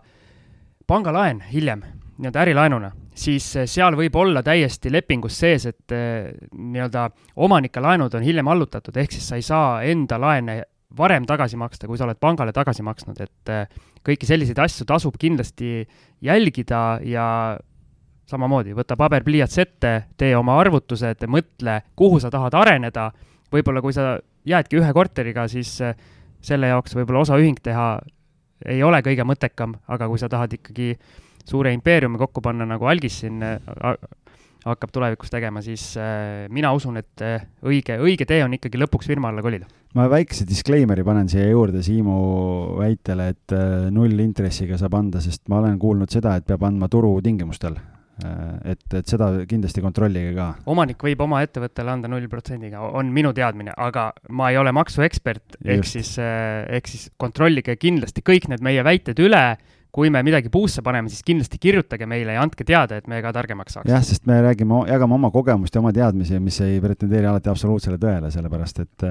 et, et lihtsalt igaks juhuks, sellepärast selle disclaimer'i õhku viskasin, et, et tasub, tasub kontrollida. fakt on see, et eh, ühelt oma, oma firmalt teisele oma firmale andes peab olema raudselt tehing toimuma nii-öelda turutingimustel ja eh, firma ei tohi eraisikule anda laenu null protsendiga okay., see peab toimuma ja. samamoodi. jah nagu, see võibki olla see, kus, kust, kust mul see tekkis, see segadus korraks, aga, aga noh, vaat kui hea ja ajasime asja veel keerulisemaks, nii et, et saate kõik guugeldada ja uurida ja lugeda. jah, sest äh, ei ole ju mustvalget lahendust, et tee nii, see on õige, kuna kõik need olukorrad äh, inimestel ja ettevõtetel ja kõigil, see on erinev, et äh, osadel inimestel, näiteks minul oli toimiv ettevõte, mul oli selle võrra lihtsam see otsus teha kui inimene alustab praegu kinnisvaraga ja tal ei ole ettevõtet, et kas see ettevõte luua, see on juba hoopis teine küsimus. kui minul oli, kellel oli ettevõte, et kas lihtsalt hakata seda kinnisvara ostma ettevõtte alla või eraisikuna just, nii et äh, kõik hästi personaalne ja, ja siin on jälle nii-öelda kalkulatsioonide koht ka ja jälle vaadata kümneaastasesse horisonti panna need asjad, et äh, kust, mis protsendiga laenu saab ja, ja mis see kaugem eesmärk ka jälle on, et kui noh, täna on äh, mul ka neid kliente, kes ostavadki eraisikuna, kasvatavad portfelli, et ei ole ettevõtte all neil, vaid ongi nad, äh, selle nimi on vist kas LHV-l või kellelgi oli niisugune mingi eralaen või mingi toode, kus sa saad eraisikuna ka mingi neljaprotsendilist, neli koma kaks või ühesõnaga tal oli mingi nelja ja viie vahel kuskil oli see protsent et noh, tal on juba arvestatav äh, hulk korterid olemas ja, ja ta saab eraisikuna sealt pidevalt juurde, nii et, et selles mõttes, kui sul on sissetulekut piisavalt, siis, siis sa võid ka eraisikuna teha, aga jah, need maksuküsimused kõik tulevad sinna juurde, millest täna päris palju juttu on olnud. et abiellu raamatupidajaga ja saa sõbraks mõne hea maksueksperdiga. just, nii et äh, vot kui palju, palju nõuandeid siit. nii, Kaja küsib, äh, kas investori vaatenurgast tasub osta kasutusloata korterit sõltub sellest, mis asjaoludel seda korteri, selle korteri kasutusluba puudub ja kui keeruline seda kasutusluba saada oleks, et ähm, noh, täna pangad puuduliku dokumentatsiooniga korterite ostmiseks põhimõtteliselt laenu ei anna enam, et kui sul on täna olemas äh, oma finantseering äh, piisavas mahus, et sa saad ainult äh, noh, ilma välise lisafinantseeringuta selle korteri ära osta, siis võib seda kaaluda ähm,. aga küsimus ongi jälle selles, et, et siin peab mõtlema nagu sammu edasi ka et äh, kui selle kasutusloa kordaajamine on noh, lihtsalt ma ei tea, selle taga, et seal on planeeringut muudetud, äh, paberimajandus pole korda tehtud ja tegelikult sa tead, et äh, et, et kogu selle protsessi tegemine maksab, ma ei tea, tuhat, tuhat viissada, kaks tuhat eurot näiteks, ja sa näed, et see numbriliselt tasub ära, siis on, siis võib loomulikult seda kaaluda, selle paberimajanduse korda teha ja, ja kõik on korras aga kui seda mingil põhjusel ei ole võimalik korda teha ja sa tahad ühel hetkel seda korterit müüa, siis sa pead arvestama sellega, et, et see, et kui keegi tahab pangaga osta, siis selle korteri müümine saab tõenäoliselt olema üsna raske. Siim, kuulaja V küsib, olen kuulanud teie saateid ja mulle on väga meeldinud. aitäh, meil on väga hea meel, et sulle on meeldinud. Küsiks veidi raha kaasamisest kinnisvara ostmiseks, mitte pangalt. rääkisite ühes osas, et kaasasite raha eraisikult, ettevõttelt laenuna ehk saaksite veidi pikemalt rääkida, mis tingimustel raha laenasite, mis lepingud sõlmisite, mis maksualased nüansid on eraisikult või ettevõttelt raha laenamisel, korteri ostmisel? Esiteks hakkame sealt lõpust jälle pihta, et see maksualaste küsimuste puhul eh, meie vastuseid siin väga kuulata ei maksa, et me oleme sama tuhmid kui kui tavaline eestlane. okei okay,, okei okay., nali naljaks, aga tõesti sai ühe korteri ostul eh, siis eralaen kaasatud kui siin meie kümnendas osas Kristi Saare käis ja ütles välja, et nemad kaasasid oma selle seltskonnaga, kellega nad koos siis seda impeeriumit ehitavad, et nemad kaasasid kuue protsendiga eralaenu, mis ütleme nii, et on üsna hea, üsna hea tulemus. minul, see minu eralaen oli nüüd nii-öelda kriipsu võrra nii-öelda kangema protsendiga. aga mis see küsimus oli, et kuidas ahah, mis lepingut sõlmisite? Mhm. põhimõtteliselt äh, nii-öelda tavaline laenuleping. Äh, ma nüüd ei mäleta, kas ma sain äkki algise käest selle põhja, jah? tegelikult ei ole tavaline laenuleping, et siin on jälle neid laenutüüpe on nagu erinevaid ja, ja siin on võib-olla eraldi mingi saate teema täitsa jälle läbi arutada, et mis need erinevused seal on ja tegelikult äh, Jaak Roosaare kinnisvaraga rikkaks saamise õpikus on ka need lahti selgitatud. see leping jah, tõesti, mina, mina ise, see leping, mida ma kasutasin, Siim küsis, et kas mul on ja siis ma talle jagasin äh, on äh, siis äh, bullet laen, ehk et see tähendab siis seda, et äh, bullet laenul on ka, on erinevaid versioone veel, et on, üks on see, kus sa maksad ainult intressi ja, ja siis, kui laenu tähtaeg kukub, siis maksad tagasi põhiosa. Ja teine osa on siis, teine bullet laenu versioon on selline, kus sa laenulepingu perioodi jooksul ei maksa tagasi mitte midagi ja maksad lõpus maksad tagasi nii põhiosa kui kogunenud intressi. Ja ja noh, meie oleme ka nende korterite ostmiseks, mis, mis me siin äh, praegu teeme, oleme raha kaasanud kuue protsendiga ja nende bullet laenude baasil ja, ja seal on siis tingimused on, võin rääkida, näiteks ühe korteri puhul on selline, et et me võtsime aastaks, selle, noh, eesmärk oli see, et me noh, tegelikult võib-olla isegi oleks võinud kaheks või kolmeks üritada saada, et just selle mõttega, et, et, et paneme rahavoo tiksuma ja ja, ja siis mingil hetkel läheme panka ja üritame refinantseerida, aga meil oli jah, nii-öelda bullet, bullet äh, leping ja meil on seal see, et me ei maksa, me maksame lõpus, maksame nii laenu kui põhiosa ja kui me mingil põhjusel müüme korteri maha, siis meil oli, investoril oli lubadus, et, et ta saab vähemalt kuue kuu intressi, et kui me isegi kolme või nelja kuu järel müüme korteri ära, siis tal on kuue kuu intress on garanteeritud. Nii et, et selline leping oli meil tehtud ja, ja, ja noh, see perioodi kokkuleppimine ja need tingimused, see on nii-öelda, seal ei ole jälle nii-öelda, keegi ei ütle, mis on see, et, et must be, et seal on ikkagi jälle investori ootus, kes sulle raha annab ja sinu enda ootus, et kuidas need numbrid kokku jooksevad. no minul need tingimused üsna sarnased, kuigi laen on kuue kuu peale ja samamoodi bullet koos intressidega lõpus, et üsna jah, ja kui on, jah, mul on ka olnud, et kui on kuuekuune leping, siis on lihtsalt kolm kuud on olnud garanteeritud intressi, et, et kui on soov mingit kiiret flippi teha näiteks, et, et siis, siis äh, see noh, investoril, kui sa pakud talle ühe kuu intressi, noh siis tõenäoliselt tal ei ole väga motivatsiooni, et see notarisse tulla ja hüpoteeks jääda ja kõik mingid sellised asjad, et noh, see on ikkagi nagu, ja tingimus on jah, siis see, et, et kui investor raha annab, siis äh, temale seatakse, tema nimele seatakse korterile hüpoteek ja, ja see annab talle selle kindluse, et, et kui midagi hapuks peaks minema, et siis, siis ta saab A oma raha tagasi või, või B saab selle korteri endale, et. Aga jah, see nii-öelda maksualused küsimused, kas võtta ettevõttelt ja, või eraisikult või eraisikult ettevõttele või mis, mismoodi see käib, et seal ka neid nüansse on nii palju, et mina tegin ettevõttelt ettevõttele, seal on väga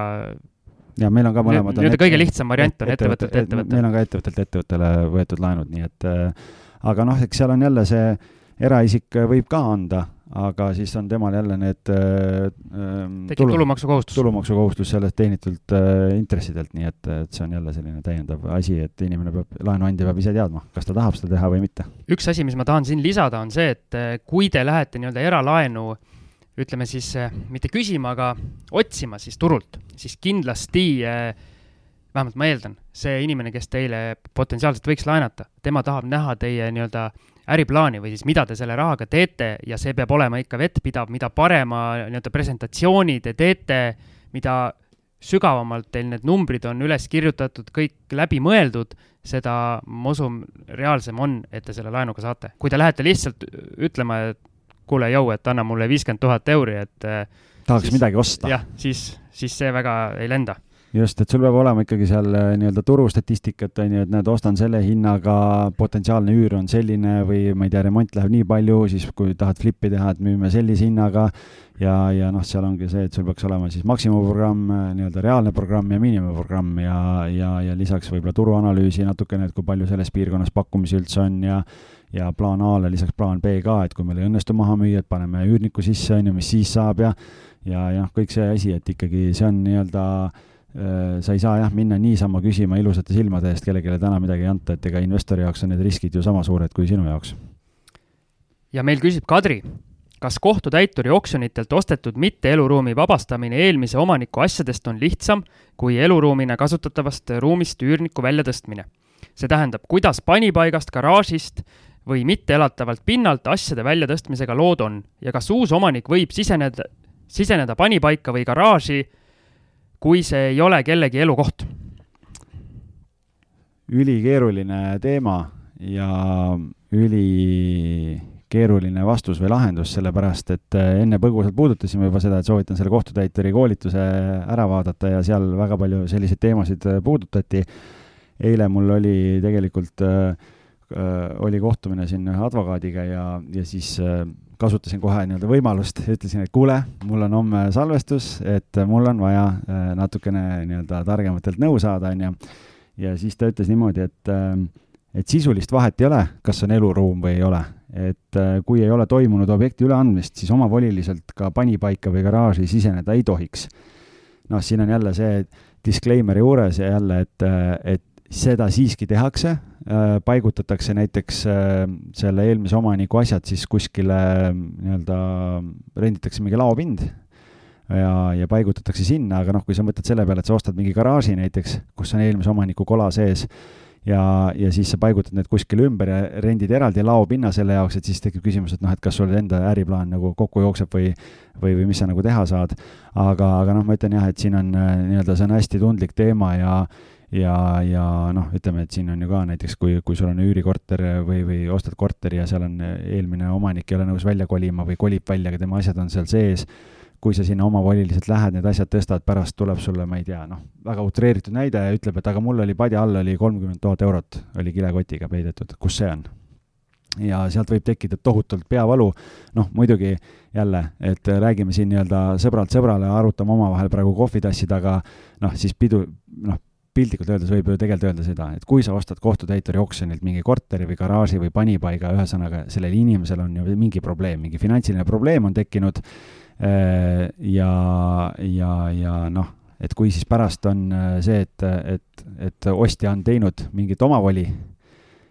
kui tõenäoline on, et see rahadega pahuksis inimene võtab advokaadi ja sinuga kohtusse läheb, noh, suhteliselt nullilähedane tõenäoliselt aga see, see ei tähenda seda, et me Siimuga saaks seda soovitada, aga noh, ma ütlen, et, et seal neid võimalusi on, aga jällegi riskid on ka väga suured ja, ja kas teil on aega, viitsimist ja närve nii palju, et te viitsite selliste asjadega tegeleda, noh, see jäägu igaühe enda otsustada, sest ma tean, et täna on inimesi, kes tegelikult ongi spetsialiseerunud sellele, et nad kohtutäiturite kaudu korterid ostavad ja üritavad sealt nii-öelda seda neid mustikaid kätte saada. ütleme nii, et ei tasu, äh, ei tasu loota, et kõik läheb libedalt, kui sa sellise objekti jahile lähed. jah, et seal isegi ma arvan, et, et kui sa arvestad kõik riskid ära, siis arvesta sellega, et kuskilt kindlasti tuleb mingi üllatus veel. et selleks peab nagu valmis olema. nii, Siim. Äh, kuulaja V küsib, kas teil on olnud ka mõtteid osta mitme peale korter? Kas siis mitu firmat omavad korterit või siis firma ja eraisik koos, et kuidas te sel juhul jagaksite korterite haldamise kulud ja tulud? siin mul on tunne, et kuulaja on vist Kristiga saadet kuulanud. minu vastus on, et eh, jah, on olnud mõttes, olen, eh, olen isegi ühe, ühe tuttavaga arutanud nendel teemadel, et eh, kui teha, et siis kuidas teha ja siinkohal, nagu sa ütlesid, kindlasti tasuks üle lugeda või vabandust, üle kuulata meie juubelisaade number kümme Kristi Saarega, kes siis eh, just koos kahe sõbrannaga ehk siis kolmekesi tegid äh, alguse ja neil kas viis korterit ja kuues on nüüd äh, tol hetkel, meie lindistamise hetkel, kuues oli kohe-kohe ostmisel. ja siis minnakse juba vaikselt nii-öelda pankade uksi kraapima või siis õigemini juba Kristi vist käib seal ukse taga pankadel aga kõige lihtsam loomulikult, kui te teete näiteks kahekesi, teha uus firma, viiskümmend, viiskümmend ja edaspidi kõik äh, nii-öelda kulud ja tulud viiskümmend, viiskümmend, see on see ideaalvariant. Noh, meie alustasime Keniga ju samamoodi oma ettevõtet, täpselt oligi see mõte, et meil ei olnud eesmärk oma ettevõtet tehes luua omale töökohti, vaid meil oli eesmärk äh, tekitada rahavoog mille baasil me saaksime siis minna panka, et hakata ehitama oma kinnisvaraportfelli, nii et, et selles mõttes nii-öelda mitu pead on mitu pead ja, ja me oleme omal nii-öelda töörollid ära jaotanud, et mina tegelen objektide otsimise ja leidmise portfelli kasvatamisega, tema aitab siis klientide äh, portfelli korterid ära renoveerida, sisustada ja, ja kogu halduspool on pärast tema peal ja kui on vaja üürida ja müüa, siis see on jälle nii-öelda minu rida, et noh, et selles mõttes meil on ka nagu ära jaotatud. meie, meie kindel soovitus on see, et ükskõik mismoodi te seda jagate, seda nii-öelda rahalist osa või seda nii-öelda higikapitali nagu siin Kalle Aron meile rääkis, et äh, igal juhul kindlasti rääkige see enne väga konkreetselt üle, pange kirja, et kõik oleks täpselt ühtemoodi aru saadud, sest muidu hiljem võib tekkida probleeme, kui keegi arvab, et äh, üks teeb rohkem ja üks teeb vähem, et äh, neid, neid probleeme tasub kohe eos vältida. nii, ja minu, minu, minu kord on küsida, sina ära siin sega vahele. Virge tahab teada kuidas teha valik Flipi, Airbnb ja pikaajalise üüri vahel, see on väga täpne küsimus nüüd algisel, algis on äh, kõiki neid asju teinud. kui palju te olete Airbnb-ga kokku puutunud ja kui ei ole, siis kas on plaani katsetada? algis, palju sa oled Airbnb-ga kokku puutunud? jah, no natukene on olnud, et tegelikult Virgele natukene taustast jah, et äh, või kõigepealt alustame sellest küsimuse esimesest poolest, et äh, Flip, Airbnb või pikaajaline üür, et siin on nagu õunad ja banaanid on nagu kokku pandud, et et tegelikult äh, Ehm, flipimine on ikkagi teemaks siis, kui on soov kasvatada oma kapitali. Ja kui me räägime nii-öelda kas pikaajaline või üüriajaline äh,, pikaajaline või lühiajaline üürimine, siis äh,, siis see on nagu teine teema, et et, et tegelikult jah, meie ettevõte One Estate sai ju alguse sellest, et meil tekkis kolm Airbnb korterit või noh, nii-öelda tekkis võimalus ja, ja ja, ja siis me alustasime kaks tuhat kaheksateist ja viimase kahe poole aasta jooksul äh, me oleme nüüd pakkunud klientidele siis lühiajalise üürimise haldusteenust, noh, pikaajalise üürimise haldusteenust ka, aga, aga lühiajalist üürimisest kogu meie äri alguse sai. Ja me viimase kahe poole aasta jooksul oleme jah, siis Tallinnas vastu võtnud üle kolme tuhande viiesaja broneeringu. Ja selle enam kui kahekümne korteriga on tekkinud kogemusi ja teadmisi nii palju, et, et ma siin Äripäeva vahendusel ja igal pool olen ka teinud koolitusi, nii et kui te guugeldate, otsite, siis tegelikult on olemas mingid koolitused, minu teada Äripäeva kuskil veebipoest saab isegi osta ja vaadata neid, et et, et tegelikult äh, kui on soovi nii-öelda võimendada tootlust, siis kindlasti tasub nagu kaaluda seda lühiajalise üürimise poolt, äh, seal on lihtsalt see asi, et äh,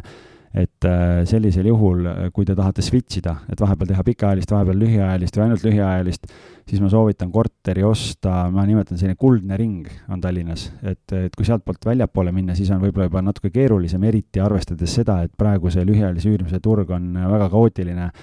et kui turg oli täistuuridel töötas, siis Tallinnas parimal hetkel oli üle kolme tuhande viiesaja lühiajalise üürikorteri ja,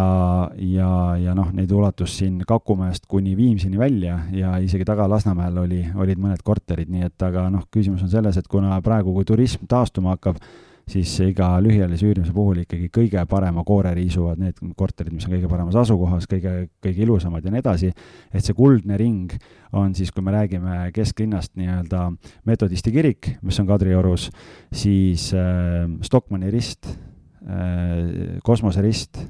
teisele poole Tõnismäge ei lähe, sealtpoolt siis minna edasi on Põhja-Rimi ja sealt tulla nii-öelda kesklinna tagasi, et kesklinn, südalinn tähendab ja vanalinn, et see on see kuldne ring.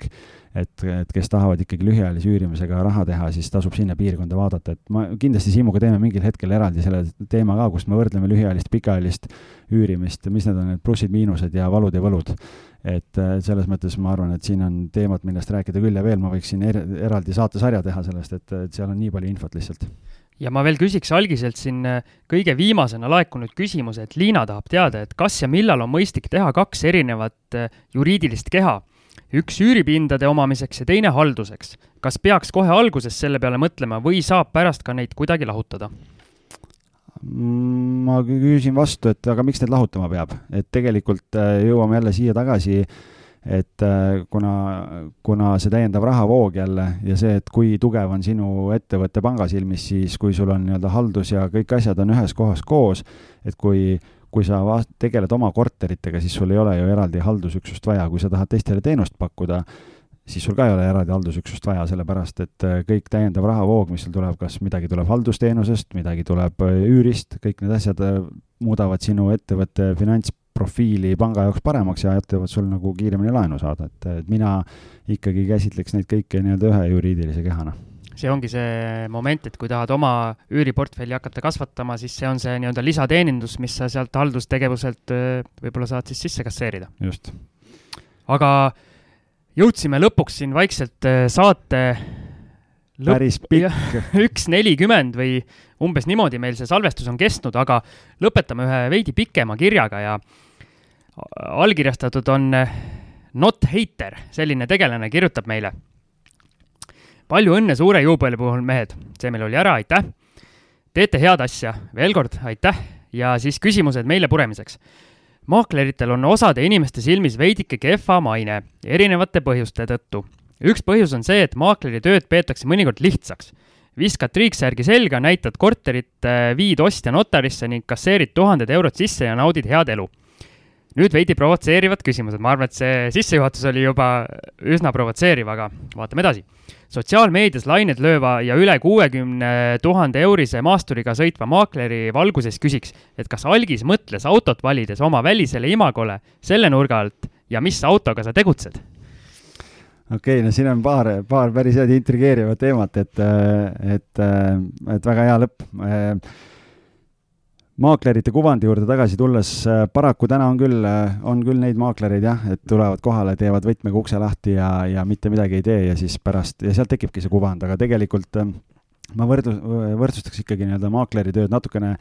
profisportlase tööga, et noh, et tiitlivõistlustel me näeme kogu seda kulda ja karda ja, ja seda tiitlivõite ja kõike seda, et jube lihtne ja äge, noh, mis Usain Bolt siin, ma ei tea, kaheksa olümpiakulda või mis ta võttis, noh, jube lihtne, noh, nii hästi jookseb, aga tegelikult kui vaadata äh, neid töötunde ja seda ettevalmistust, mis seal taga on, siis ega maakleritel ju tegelikult samamoodi, et äh, objekti müüki võttes äh, eeltöö, millest me oleme siin rääkinud, kõik need objekti näitamised, pärast järeltöö, ma näiteks homme lähen ühte objekti kolmandat korda vaatama ühe ostjaga, on ju, kõigepealt käisid, siis käisid päeval, siis tulevad nüüd ehitusspetsialistiga, erinevad teemad, küsimused, mis vajavad täpsustamist, paberimajandust võib-olla vaja aidata omanikel korda saada, pärast notari ettevalmistus, Siim just käis notaris, olid mingid küsimused, seal mingid asjad ei läinud alguses päris nii, nagu oli võib-olla kokku lepitud või tekkis mingi segadus, on ju, pärast see üle, üleandmise vastuvõtmise akt, et kõik oleks korrektselt vormistatud. Et, äh, et aga see kuvandi juurde tagasi tulles, et äh, jaa, võib tunduda küll, et on jube lihtne, on ju, ja aga, aga, ja mõne tehingu puhul lähebki, lähebki lihtsalt, et aga, aga ma räägin võib-olla ühe kiire anekdoodi siia või ühe nalja, on ju, et et kunagi üks ärimees tellis kunstniku endale koju ja, ja, ja ütles, et noh, ma tahaks siia seina peale suurt kukke. noh, ja siis kunstnik vaatab, on ju, ja ütleb, et et okei okay,, et noh, see maksab sulle, maksab sulle kolmkümmend tuhat dollarit, on ju. Nii, ja siis äh, ärimees mõtleb korra, ütleb okei okay,, teeme ära. noh, kunstnik läheb autosse, tuleb tagasi, teeb kümne minutiga valmis. ja siis ärimees küsib, et oota, mis asja, et kümne minuti töö ja kolmkümmend tuhat daala, on ju. siis kunstnik ütleb, et tead, mees, see kukk on sulle tasuta kolmkümmend tonni on minu viimase kolmekümne aasta kogemus, see on see, mis maksab. et äh, tegelikult ega maakleri töös on samamoodi, et, et kui sa nagu äh, teed hästi ja kvaliteetselt, siis tulevad need viljad ka ja kui teed lohakalt, siis pikka pidu ei ole. aga see teine pool on päris huvitav, et, et noh, Siim, kuidas on, et see isiku, isikukuvand ja auto, millega ma sõidan, et ütleme, see kuuekümne tuhandese auto juurde tulles tegelikult on nii, et ma ütlen sulle vahele, mina olen küll vaadanud, kui ma nüüd nii-öelda maaklerite objekte olen käinud vaatamas, mis autoga nad sõidavad, täiesti nagu nii-öelda professionaalse, mitte professionaalsest huvist, aga lihtsalt huvist, et äh, kuidas ennast presenteeritakse nii, ja mis tunne jääb? tunne on niimoodi, et äh, auto järgi sa saad öelda, mis äh,, mis inimtüübiga nii-öelda maakleriga on tegemist, ütlen mina. et kas it's all about me või it's all about clients? et, äh, et tegelikult on nii, et loomulikult, kes meist ei tahaks äh, nagu hea ja uhke autoga sõita, aga aga, ja, ja ma ütlen ka võib-olla noh, jah, on neid, kes teevad show-off'i kõvasti ja, ja noh, kui ma, kuna ma olen ise ka maaklerite meeskonda juhtinud mingil hetkel, siis, siis tegelikult äh, oli ka mul tiimis neid maaklereid, kellel äh, noh, näiteks mõni naisterahvas oligi, no perekonna rahaline seis oli ülihea ja, ja tegelikult raha pärast tööl ei oleks olnud vaja käia. Aga inimesele kinnisvara meeldis, otsis mingit väljundit ja tuli ja ja sõitis Lexuse džiibiga, on ju, ja, ja noh, siis, siis mõni teine jälle, teine maakler tuli jälle mingi logiseva viisteist, kakskümmend aastat vana autoga, et et ega maaklerite taust on ka erinev ja, ja on ka neid maaklereid, kellel on väga, väga suur ja võimas kinnisvaraportfell endal ja ongi finantsiliselt väga heal järjel ja siis, kui inimesel on finantsilised võimalused, ma ei tea, kui sul on paari miljoni eurone portfell, on ju, ja siis sa võidki lubada kuuekümne tuhandest autot endale. aga, aga teistpidi on jälle see, et kui sa äh,, mis mina soovitasin maakleritele, oli see, et kui sa lähed oma Lexuse või Porschega, lähed objektile ja sa lähed Lasnamäele seda kahetoalist korterit näitama, on ju, jäta see Porsche nurga taha. et kui auto maksab rohkem kui see ja. korter, siis ei ole hea, ja et jäta nurga taha, sellepärast et ostjal tekib automaatselt küsimus, et okei okay,, et mina maksan su auto kinni, on ju, et äh, ja noh, tekib see mingi teatud, see on vale, vale asi, mille äh, baasil mingeid emotsionaalseid otsuseid hakatakse tegema ja, ja teistpidi ütlesin jälle seda, et aga kui sa lähed, ma ei tea, kuskile mingit äh, miljonilist maja näitama, noh siis ma ei tea, mine kas või rendi omale üheks päevaks äh, see mingi džiip või mingi uhke auto, sellepärast et ja pane ülikond selga ja uhkelt riidesse, et kui sa kohale lähed, siis sa oled ostjaga või selle omanikuga nii-öelda samal tasemel. et noh, see on jälle natukene selline enda presenteerimise küsimus. nüüd minu enda isikubrändi juurde tagasi tulles, ma sõidan kuus aastat vana Mazda kuuega, nii et, et, et mul mingit sellist show-off'i vajadust ei ole, küll jah, mingil hetkel tuleb see auto upgrade ära teha, aga see on pigem nii-öelda pere logistilistest äh, vajadustest tulenev, kui, kui sellest, et, et oleks nüüd tohutult kuuekümne tuhandest autot vaja. kui ma võin siia oma sellise vaatluse, vaatlusele põhineva kogemuse veel öelda, siis äh, minu meelest seni kõige paremad maaklerid, kellega mina siin olen suhelnud, sõidavad võimalikult mugava, korraliku autoga. ehk siis ilmselt palju tuleb sõita ja seetõttu see mugavus on nagu number üks, mitte välimus, mitte see auto hind, vaid just mugavus. jah, ja ma siia panen selle disclaimer'i ka juurde, et, et kui kunagi see kinnisvara impeerium on valmis ehitatud, siis, siis võib loodetavasti mind ka kuuekümne tuhandese autoga äh, sõitmas näha, aga ma kõigepealt tahaks need korterid ära osta ja seal osas midagi ära teha ja siis vaataks nii-öelda sellele, nendele tuledele ja viledele. aga seal on veel, not hater'il on ka väike nii-öelda jätkuküsimus, et äh, räägi maaklerite heiteritele kõige lihtsamad tehingulugu ära, et äh, on sul mõni selline, et äh, Ja ikka on, et selles mõttes, et ega see ongi ju, kui, kui sa maaklerina töötad, siis sul tekivad mingid müügikliendid ja ostukliendid ja ja, ja tegelikult on neid tehinguid küll olnud, kus on niimoodi, et noh, justkui nagu ei peagi midagi tegema, aga tegelikult see ongi jälle see, et raha teenitakse selle eest, et sa paned selle tehingu kokku ja viid otsad omavahel kokku, on ju, et sul on info ja, ja sul on mingi objekt. Et äh, siin ühe objektiga läks niimoodi, et üks klient helistas, ütles, et kuule, mul on üks sellise, selliste parameetritega korter seal ja seal, selline korter on ju, et oleks vaja maha müüa ja siis ma ütlesin, et kuule, aga mul üks äh, klient otsib. Ja, ja me viisime selle tehingu niimoodi, alla nädala läks äh, notarini, et äh, kuna oli ilma pangata tehing ka, et, äh, et, et see kuskile avaliku portaali nagu ei jõudnudki, et noh, ikka tuleb selliseid asju ka ette, et noh, võib tunduda, et jube lihtne, on ju, aga eks selle nimel on tööd ka tehtud, et neid kontakte ja infot tekiks niimoodi aga ma arvan, siinkohal me peame nüüd otsad äh, kokku tõmbama, päris kahte tundi meil täis ei tulnud, aga julmalt pikaks see asi läks, aga tõesti olid huvitavad küsimused, palju küsimusi. mina siinkohal tänan kõiki, kes võtsid vaevaks küsida ja kui me nüüd äh, andsime kellelegi mingeid häid ideid, see asi on super, kui me ise kuskil millegagi puusse panime, kindlasti. Palun kirjutage, parandame need eksimused ära, sest äh, mingites valdkondades meie ei ole ikkagi piisavalt pädevad ja meil on plaanis äh, kõik need maksuvaldkonna inimesed ja ja võib-olla seal paljudest teemadest veel tunduvalt lähemalt rääkida, kaasates siis mõne eksperdi, ehk siis äh, head teemad, mida meil siin pureda tulevikus? jaa, ma ütleks nii, et, et noh, ülihead küsimused ja need tegelikult ju nii-öelda toovad ennast ka mugavustsoonist välja ja, ja pead rohkem uurima ja lugema ja mõtlema ja tegelikult on nagu väga äge, ma teen suure kummarduse kõigile meil on tegelikult veel üks asi vaja ära teha siin, meil on vaja ju välja valida nii-öelda võitja ka. absoluutselt ja minul on äh, nii-öelda peas olemas, keda mina valiks. mul ei ole, nii et ei ma, ma täitsa nii-öelda usaldan sinu valikut, et, et.... ja et meil on siis välja anda Kristi Saare poolt äh, üks raamat, VV Print tema värske kirjastus on ja seal üks kinnisvarateemaline teos siis äh, meie parimale küsijale läheb ja mina võtaksin, kui sa mäletad veel meie saate algust, oli üks pealehakkaja neiu, kes kõige, kõige esimene. just, kes tänas meid, et me üldse seda asja teeme ja meie podcast oli tema jaoks nii-öelda viimane, viimane siis tõuge, et äh, nii-öelda kinnisvaramaailmasse sukelduda, et ma arvan, et äh, selle puhul võiks pealehakkajale neiule ka ühe väikese kingituse anda. ja, ja tegelikult olid ju head küsimused ka, see mitteeluruumi küsimus ja, ja käibemaksu küsimus, et äh, ja hea valik. Et võib-olla siis see raamat annab veel ühe väikese tõuke ja juba, juba varsti on see portfell selline või ütleme siis esimesed tehingud tehtud ja portfell selline, et eh, võib-olla kutsume neiu ka siis juba stuudiosse, kus ta siis oma isiku avaldab laiale maailmale. ja väga põnev, aga võta Siimuga ühendust, et kuna sa Siimule nii-öelda incognito selle küsimuse saatsid, et eh, kirjuta siis uuesti ja lepite kokku, kuidas sa selle raamatu koos Kristi Saare autogrammiga kätte saad. just nii. ja meie oleme siin lõpetamas järgmises saates on meil taas külaline ja ütleme nii, et eh, meie, nagu Algis on juba paar korda maininud, meie kehvasid külalisi siia stuudiosse ei too, saab olema jälle väga huvitav saade. ja olge mõnusad. Kuulmiseni